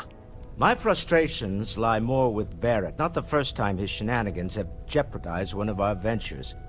Not fair of me to take it out on you, especially since it would seem he made the right call this time. So, let's start over, shall we? Walter Stroud, CEO of Stroud Eklund, member of Constellation, and oft times grumpy old man. Welcome aboard. Når det er sagt, så blir du kanskje litt overraska av å lese eller høre denne anmeldelsen, for et klassisk Betesta-RPG, det var ikke helt det vi ble forespeilet. Starfield er ikke en livssimulator i verdensrommet, sånn som Star Citizen, og det er heller ikke et åpen verdensromspill. Du kan ikke ta av med romskipet ditt fra én planet og fritt fly til den neste. Så hva er egentlig Starfield? Starfield er litt cyberpunk, med en mye sterkere innlevelsesfaktor og med muligheten til å gå inn alle dørene på butikkene du ser. Men Starfield er også et mer oppslukende The Outer Worlds, med reisesystemet fra Mass Effect og gunplayet fra Halo. Men kanskje enda mer presist, og den aller, aller beste sammenligningen jeg kommer på Starfield er Borderlands. Bare langt mer virkelighetsnært og storslagent. Starfield er, akkurat som Borderlands, et spill der du reiser rundt fra ett stort, lukket nivå til et annet, og opplever utrolige små og store historier der, før du reiser videre. I jakten på bedre utstyr, unike evner, magiske oppgraderinger og blendende våpen. Det er klart, Starfield har noen mangler. Jeg må trekke litt for anslaget og tilgjengeligheten, noen karaktermodeller og ansiktsanimasjoner som er litt under det vi forventer i 2023, gjenbruk av noen områder i oppdrag, og for at spillet er solgt inn på feil premisser. Men dersom du justerer forventningene dine, og tar spillet for det det er, nemlig et rollespill i verdensrommet der du kan skyte, snike eller snakke deg gjennom alle utfordringer, så vil du oppleve små og store historier som vil overraske, berøre deg, fylle deg med heltemot og sjokkere deg inn i ryggmargen, på en måte som gjør at du ligger våken om nettene, eller blir sittende oppe og lese om singularitet og tyngdekraft. We're all dead. The comms relay has been trashed. The whole room is trashed. We can't call for help. I can hear the terror morph roaring somewhere. And more people screaming. Hvordan noen kan kjede seg med Starfield, det kan jeg ikke fatte. Jeg har sittet ytterst på stolen i 40 timer, og kommer til å sitte der i minst 60 til. For Starfield, det blir bare bedre og bedre. Og bedre. Du kommer til å skjønne hva jeg mener med det. Det er rett og slett det beste og mest altoppslukende verdensromeventyret jeg har spilt, med historier som spiser historien jeg har opplevd i andre verdensromspill, til frokost. Når det i tillegg innehar det aller aller viktigste jeg ønsker meg i et rollespill, fantastiske distraksjoner som trekker meg vekk fra det jeg egentlig holdt på med, på alle bauger og kanter, så fortjener det intet mindre enn klassikerstatus. Starfield får 90 av 100 hedermenn og er et av Betestas aller beste spill. Jeg forventer å kunne spille Starfield på en kalkulator i 2035, for dette her, det kommer til å spilles av hele menneskeheten, to infinity and beyond.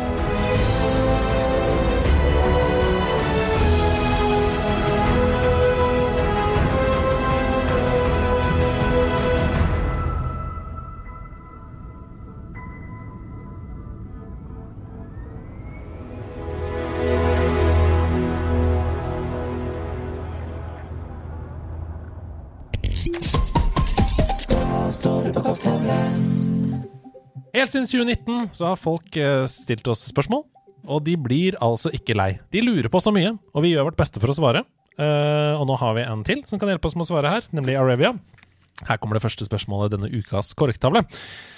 Er mange spill- og tekstjournalister og podkastere litt for stuck i sin egen privilegerte boble til å kunne se objektivt på ny teknologi? Litt sånn shots fired i første setning her. Mm. Jeg peker ikke spesielt på dere, sier altså vedkommende her nå, men det har blitt spesielt merkbart nå som man snakker om PlayStation Portal, altså denne nye håndholdte konsollen til PlayStation. Jeg føler det er så mange som kom, sier at den kommer til å floppe, fordi tilsynelatende alle har en gigantisk TV i hvert rom i hele huset, to switcher liggende, en Steam-dekk og råd til å kjøpe spill til alle de forskjellige plattformene. Det er jo langt fra sannheten for mange i Norge, sier han videre. Og enda mer i andre land, der man lever i mindre leiligheter med større familier. Og for min del så er dette en god pitch.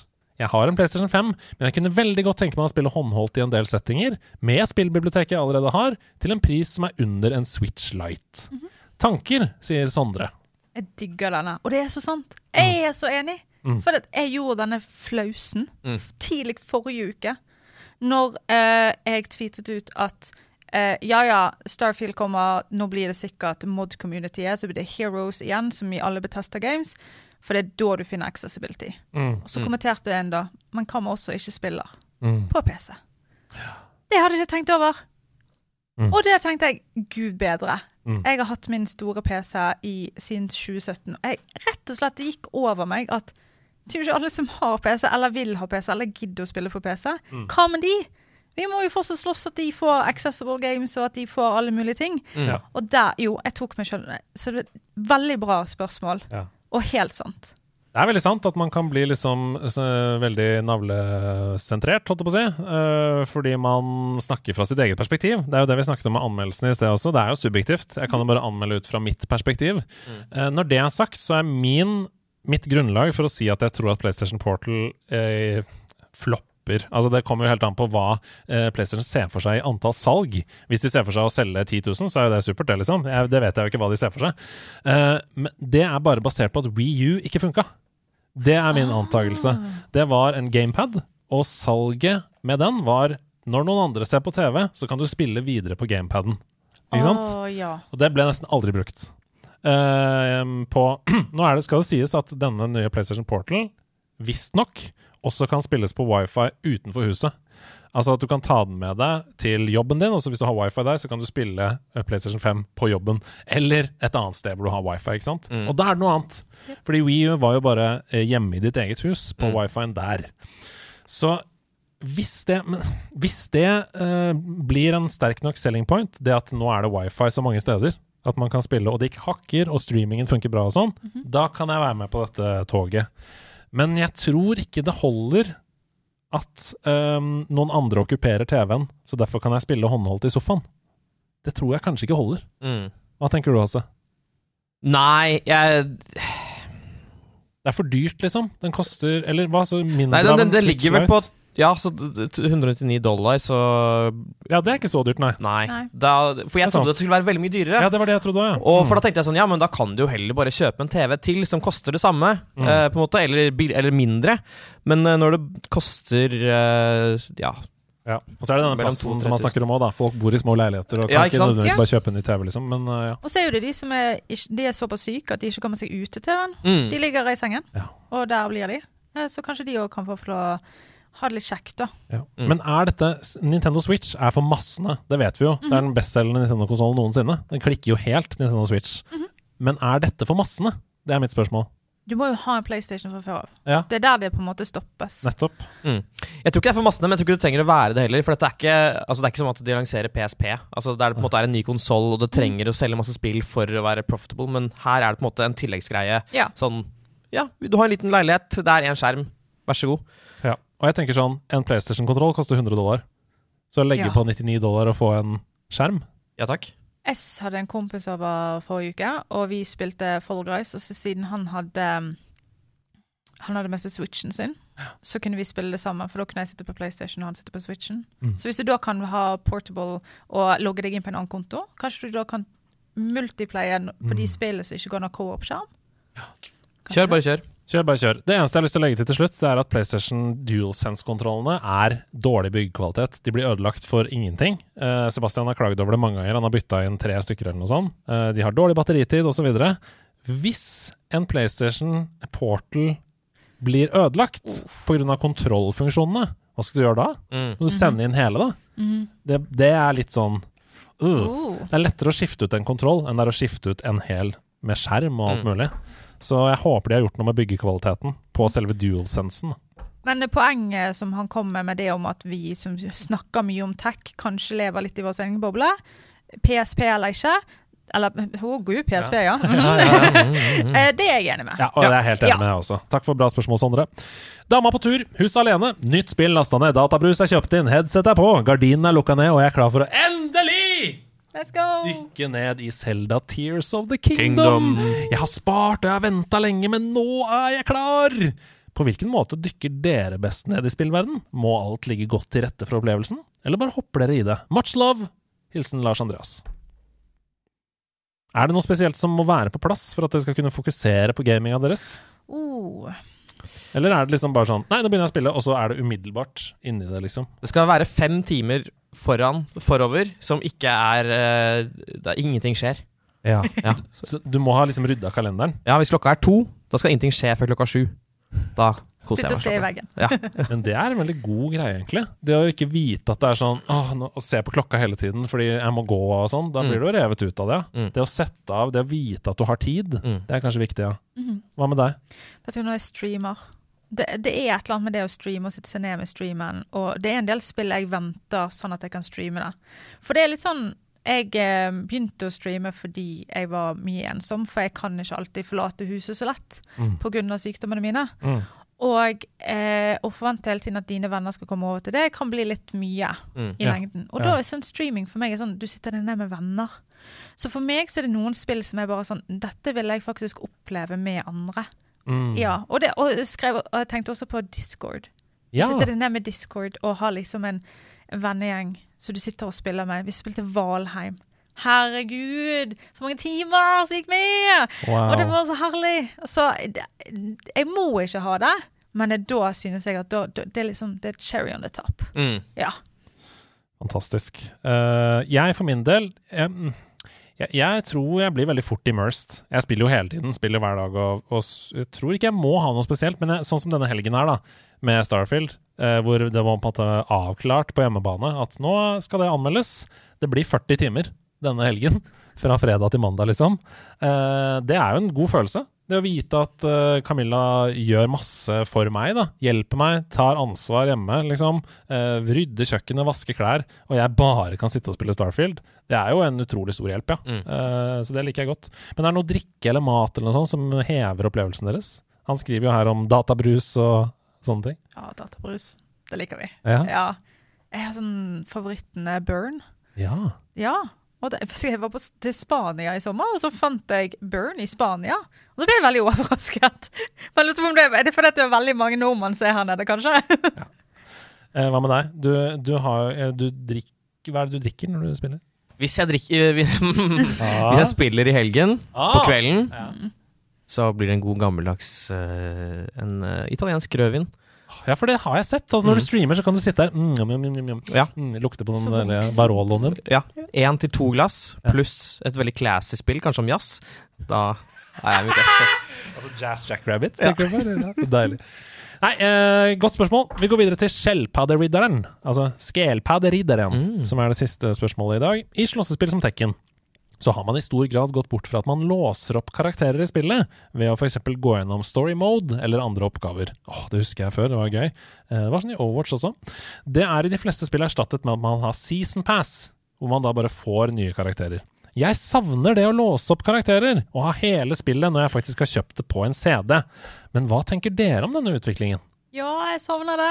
Jeg er så enig. Mm. Men er det fordi jeg begynner å bli gammel? Ja. For alt var bedre før? Jeg vet ikke. Men jeg savner det. Jeg savner Når jeg har kjøpt det, så vil jeg spille det. Mm. Og så vil jeg kunne bytte. Og så, og så har jeg ikke så mange timer i løpet av hverdagen nå lenger som jeg hadde da jeg var eh, kid, så kanskje det er bedre. Mm. For da kan jeg bare kjøpe akkurat det jeg vil. Jeg vet ikke. Men jeg savner det litt. altså? Eh, jeg, altså Når det kommer til å unlocke karakterer og sånn, så er det veldig deilig å liksom, å føle at du har fortjent det. At du Ja. har liksom jobba Ja. for det. Og at du starter spillet, og så ser du masse grå konturer av noen karakterer. Ja. Sånn som Ja, når man spilte Street Fighter uh, som kid, og liksom Oi, noen som uh, Noen som har noen, som- En skalla karakter? Kan det, kan det være Dalsim, kanskje? ja. Ja, nei, jeg skjønner. Kon- Kontra nå, som jeg fyrer opp Overwatch i går, og så har jeg ikke den nye karakteren, og så må jeg bruke masse Penger, penger. ja, for å få den. Det er irriterende, ja. Jeg er veldig jeg er enig. Jeg, for meg så er det to alternativer. Enten at når jeg kjøper et spill, så vil jeg at alt skal være der. Eller at når jeg kjøper et spill, så må jeg spille det for å klare det. Jeg er ikke så veldig glad i den eh, karakterer ligger skjult i Battle Pass. Det er jeg ikke så glad i. Ehm, jeg husker så gode minner av sånn Jeg har kjøpt det nye Mario Party-spillet. Alle skal hjem til meg i kveld for å spille Mario Party. Jeg må spille fem timer, for jeg må låse opp alle karakterene, alle banene, sånn at det er klart når alle de andre kommer, så de kan spille alt. Det er god, det er god, ah, gøy. min- Eller når du spilte Tekken 3, og så plutselig fant du ut at det er jo en kenguru her, og det er en dinosaur, eller krokodille, eller hva det var. Og det var en prestasjon. Det var vanskelig å klare det. Det var ikke lett, og det, det var jo ikke noe hint til hvordan du skulle få det til heller. Det var bare sånn, du måtte gjøre sånn og sånn. Åh, når vi fikk det til, det Mm. var bra. Ja. Ja. Nei, jeg syns Battle Pass kan være kosmetisk, ja. Yep. ikke gameplay-messig. Yes. Tusen takk for alle spørsmål. Vi skal til Hidio Kojimas rike.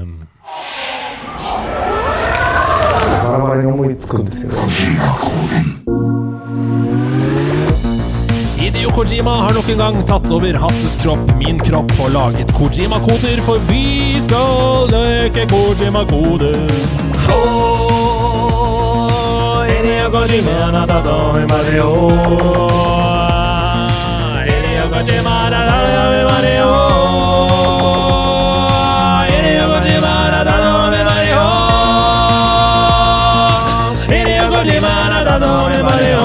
det stemmer, vi er i Kojima-kodeland. Og Hideo, Hideo, Hideo, Hideo Han har jo utfordra oss denne sesongen her på å finne på nye ting. Han utvikler seg jo som spillutvikler hele tiden, og når han tar over våre kropper, så betyr jo det at vi også utvikler oss. Eh, Hasse, Ja? hva er det som har skjedd med deg denne uka? Hva er det Hideo har funnet på? Du, eh, han, han har funnet på nøyaktig samme vri som jeg hadde sist gang jeg hadde Kojima-kode. Helt utrolig! Da er det også sånn at vi må jobbe sammen. Så må vi skjønne hvilket spill det er som skjuler seg inni denne rebusen som Hasse nå kommer med. da Ja. Eh, og det som er da, som sist, be- be- betyr det jo det at det er lydbasert. yeah. Og at det da også vil minne veldig om spalten uh, Tears of the Spieldom. okay. Så for folk som hater lydoppgaver, er dette ikke bra. Ja, Det blir spennende. ja, det blir spennende. Men da tar vi din til slutt, for da må vi bytte med kabler her og sånn inne. Ja, da tar vi din til slutt. Så begynner vi med min. Og det som har skjedd her nå, er at Hideo han har spisa det opp. For han vil ikke at dere skal samarbeide. Oi! Han har sagt til meg 'Jeg vil ha ninja fighting'. Han har sagt på denne måten. Okay. Så han vil at dere skal konkurrere. Og så er oppgaven lagd av Hideo direkte til hver og en av dere. For Hideo han har gått inn i deres spillbiblioteker og funnet fram til spill som allerede ligger i deres respektive spillbiblioteker. Oi. Han har vært på Steam, han har vært på forskjellige tjenester og innsett hvem det er som, hvilke spill dere spiller. Her skal vi høre. Den første oppgaven er til Elisabeth. Og her konkurrerer du altså bare mot deg selv. Du kan klare det, eller ikke klare det. Og den andre er da til Hasse. Så her er den første oppgaven. Direkte til deg, Elisabeth. Et spill som er i ditt spillbibliotek. Nå må du overleve, midt i gammel nordisk tro. Skal du komme til de evige land, så må du bygge slåss og bo. Det her vet vi hva er. Vet vi hva dette er? Ja. Hva er det da? Det må jo være eh, Er det Valheim det heter? Ja, det er riktig! Og du sa det i forrige spalte! Du sa det i korrektet! For da er det mulig? Jeg bare Så du rister når du sier Valheim. det var derfor du sitret i stad. For det, men der var det Du kunne jo vært Assassin's Creed eh, det- Valhalla, ja. Valhalla, Det var det som var meningen, at jeg skulle liksom prøve ja. å eh, shrine det litt. Rann. Men uh, du greide det, du, altså. Ja. Valheim. Det betyr at du leder. The ninja power is with me. Oi. Hasse, kommer du til å klare din Kojima Godem? Vi får se. Dette er et spill som er i Hasses eh, spillbibliotek. Okay. Det er seks i rekken, men dette er nummer fem. Med 43 ulike startmuligheter kan du holde på evig lenge. Er det Apokop? Begynner å sløyfe e på slutten? Jeg vet ikke hva Kojima gjør, jeg. Nei, nei. Ok, så det er seks uh, i spillet. Det finnes seks av dem. Uh, Det er seks i rekken, men dette er nummer fem. Med 43 ulike startmuligheter kan du holde på evig lenge. 43 ulike startmuligheter. Det er jo mange spill som har det. Det finnes mange spill med sex i rekken. Mm -hmm. um, Dette ligger i ditt eget bibliotek. ja da! Det gjør jo det. Nå prøver jeg bare å fylle Jeg prøver bare å lage lyd, for jeg har ingenting å gå på her. Dette er bare piss, Andreas. Det, Det er seks spill i rekken, Ja. men dette er nummer fem. Du kan tenke Hvilke spill er det jeg har i spillbiblioteket mitt da, som, har fem, som, er, som det står et femtall etter? Jackbox. Med 43 ulike startmuligheter så kan du holde på evig lenge. Jeg sier Jackbox Partypack 5. Det er uh, utrolig feil. Ja, så bra. Dette er Civilization 5. Og det er 43 ulike Civilizations. Jeg spilte én gang. Det var det jeg var redd for. At du Ja. skulle tatt et av de spillene. Jeg har, noen spill har jeg blitt giftet, og jeg var sånn Ja. Nei, jeg kan ikke styre Hideo Kojima. Han eh, dro inn i Steam-biblioteket og dro ut. OK, Civilization 5. Da, da vant du oh, yes. eh, denne. Men Hasse, Ja, dere kan jo lure på hvordan Hidio Hideo Kojima har tatt over min kropp denne gangen. Mhm. Eller så husker dere at jeg sa i stad at det er lydbasert. Oi, ok. Det stemmer. Jeg skal spille av tre lydfiler som jeg har klippet sammen selv Oi! i GarageBand. Ja. Oi. Og, nei, eh, men som Hideo har klippet sammen selv, mener jeg. Never break illusion. Um, Immersion. Immersion. vi, skal, vi skal høre tre forskjellige lyder. Um, men fordi dette er sånn vanskelig Dere kjenner til spillet, men det er sånn vanskelig, så jeg kommer til å gi dere et hint før vi setter i gang. Ok. Og det er at vi skal fram til en utvidelsespakke. Oi, Oi. en DLC, ja. Oi. Ho, ok, da får vi jobbe sammen, da. Det, det, betyr ikke, det blir ikke noe lett uansett, men det måtte dere vite. Ok, det måtte vi vite. Greit. Da Vi, prøver vi. akkurat sånn som i Tears of the Spielem, så skal, skal vi nå spille skal jeg spille av noen lyder som hinter til hvilket år dette kom. Skal vi se om dette And next, we turn tonight to the tension rising around the world as Russian President Vladimir Putin casts his shadow across the boundary of Europe and Russia. Tonight, his troops are holding firm in a corner of Ukraine known as Crimea. So, will he push any further? And has the U.S. and its allies decided to push back?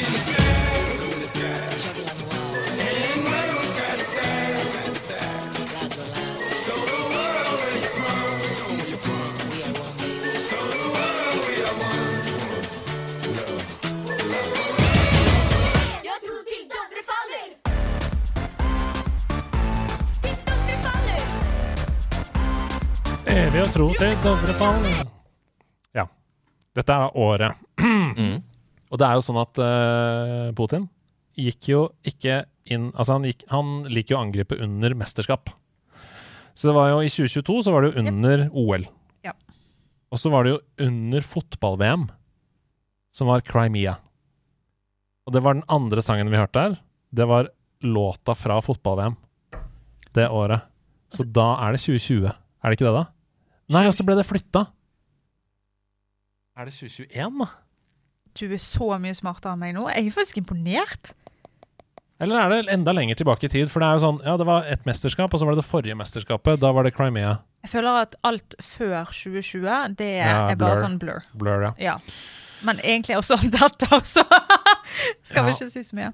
Men det, det var en, et, Er det 2018? Skal vi helt tilbake til dit? For det er jo OL hvert fjerde år. Og det var jo OL i 2022. Det er OL hvert andre år, men uh, Ja, altså sommer og vinter. Ja, nå tenker jeg på vinter, da. Vinter, ja. Eh, ja. Det er i hvert fall under et mesterskap, men hvilken DLC er det vi skal fram til da? Er dette det første hintet, bare? Ja, så det er jo kjempevanskelig. Like vanskelig som da du hadde Mexican Fiesta som første hint. Ok, jeg tror, jeg tror i hvert fall det er noe rundt et mesterskap-år her. Um, jeg tror du høres veldig veldig smart ut. men jeg aner jo ikke hvilken delelse Nei. vi skal fram til da. Nei, nei, nei. nei. Vi tar neste, da. Det er neste, da. Ja. Greit.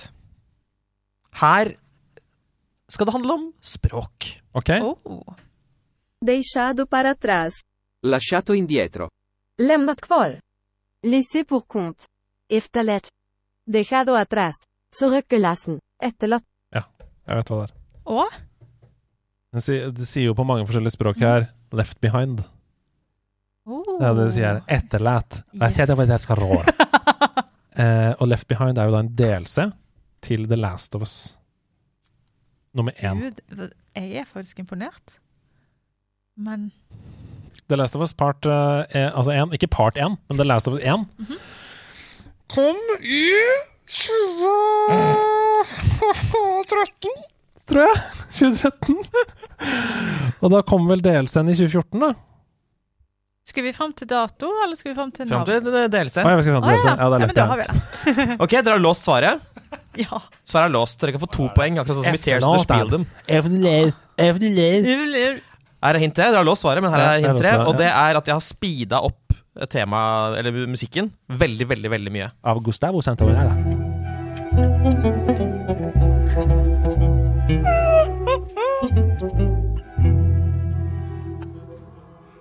Er Left Behind! Ja! Det er ikke så skummelt nå lenger, Gustavo. Det er en grunn til at han uh, spilte det såpass treigt som han gjorde. Ja. Beklager at jeg tok over dette Nei, den carry, nei, nei, du carry den. Ja. Ja, det uh, Så sies. det vi hørte, var jo da Krimhalvøya-invasjonen, og så var det uh, fotball-VM Nei, nei, jeg mener OL i, i, i 2014, Brasil. Ja. Og så var det Evig og tro til Dovre faller, 200-årsdagen til 1814. Ja, Brasil og 200 år. Så det var 2014. Det Us. Left Behind. Helt riktig, to poeng. Wow! Det var kul eh, kode. Bra jobba, Hasse. Eh, det er ikke meg. Ja. Hidio og Hasse. Dere har samme forbokstav. Mm. har det betydd noe for deg i livet? Ja, særlig før jeg visste hvem han var. Takk til deg. Hva har det betydd for deg å være gjest hos oss i nederlandslaget? Det er veldig gøy. Ja. Og kunne på en måte få delt litt. For det er jo vanskelig, da, å Ja. snakke om noe som kan skje med folk i fremtiden. Mm. Og på en måte snakke om noe som jeg tror veldig mange, spesielt hvis vi er blitt litt gamle nå, ønsket vi tenkte over tidligere. Mm. Og så da er det gøy å kunne dele det med så mange. Det er jo mange. Det er jo mange, og Det er, det er så på herlig. Og hvis du er en av de som hører på som ikke er en del av discorden, f.eks., så kan du gå inn på discord.gg slash nerdelandslaget. Eller nerdelandslaget.no slash discord. Det er, det er samme! Det kommer inn på samme sted uansett! Og bli medlem der og spille med oss. Tusen hjertelig takk for at du har vært på besøk, Arabia. Tusen hjertelig takk Hvor er det vi kan se deg, hvis vi vil ha mer av deg, liksom? Nå Mhm. etter å ha hørt på, som jeg antar at alle vil. Er selvfølgelig. Ja, hvor er det? Du, du finner meg under Arevia, A-R-E-V-I-A, Mhm. overalt på nett. Bortsett fra på TikTok, for noen stjal navnet mitt. Nei! Så der heter jeg Ja, hvordan våger de? Så der heter jeg Arevia Gaming. Ja. Så, men hver søndag så streamer jeg. Og en gang i måneden så laster jeg opp på YouTube. Snakker vi om reviewing av spill og konsoller, og hvordan du kan gjøre det hvis du trenger litt ekstra hjelp. Mm. Og så lager jeg i ukedagene masse tull, humor Mm. og litt sånn opplæring på TikTok og Instagram. Og i accessibilitetens eh, navn, hvis du har en venn, eller er en selv som har eh, blitt sliten av å lytte for lenge, f.eks., så kan du gå inn på nederlandslaget.no og lese anmeldelsene våre. De kommer i tekst med artige bilder og artige bildetekster og sånn der inne. Um, og gå inn og utforsk den. Der kan du spille bit for bit. Du kan få spilltips fra podkastene våre. Uh, du kan kjøpe ting i nettbutikken, merch osv., og, så videre, og bare generelt finne deg et fint fellesskap og bli en del av. Si ha det til alle de som hører på, da, dere. Ha det bra. Si ha det til alle som hører på. Ha det. Ha det bra.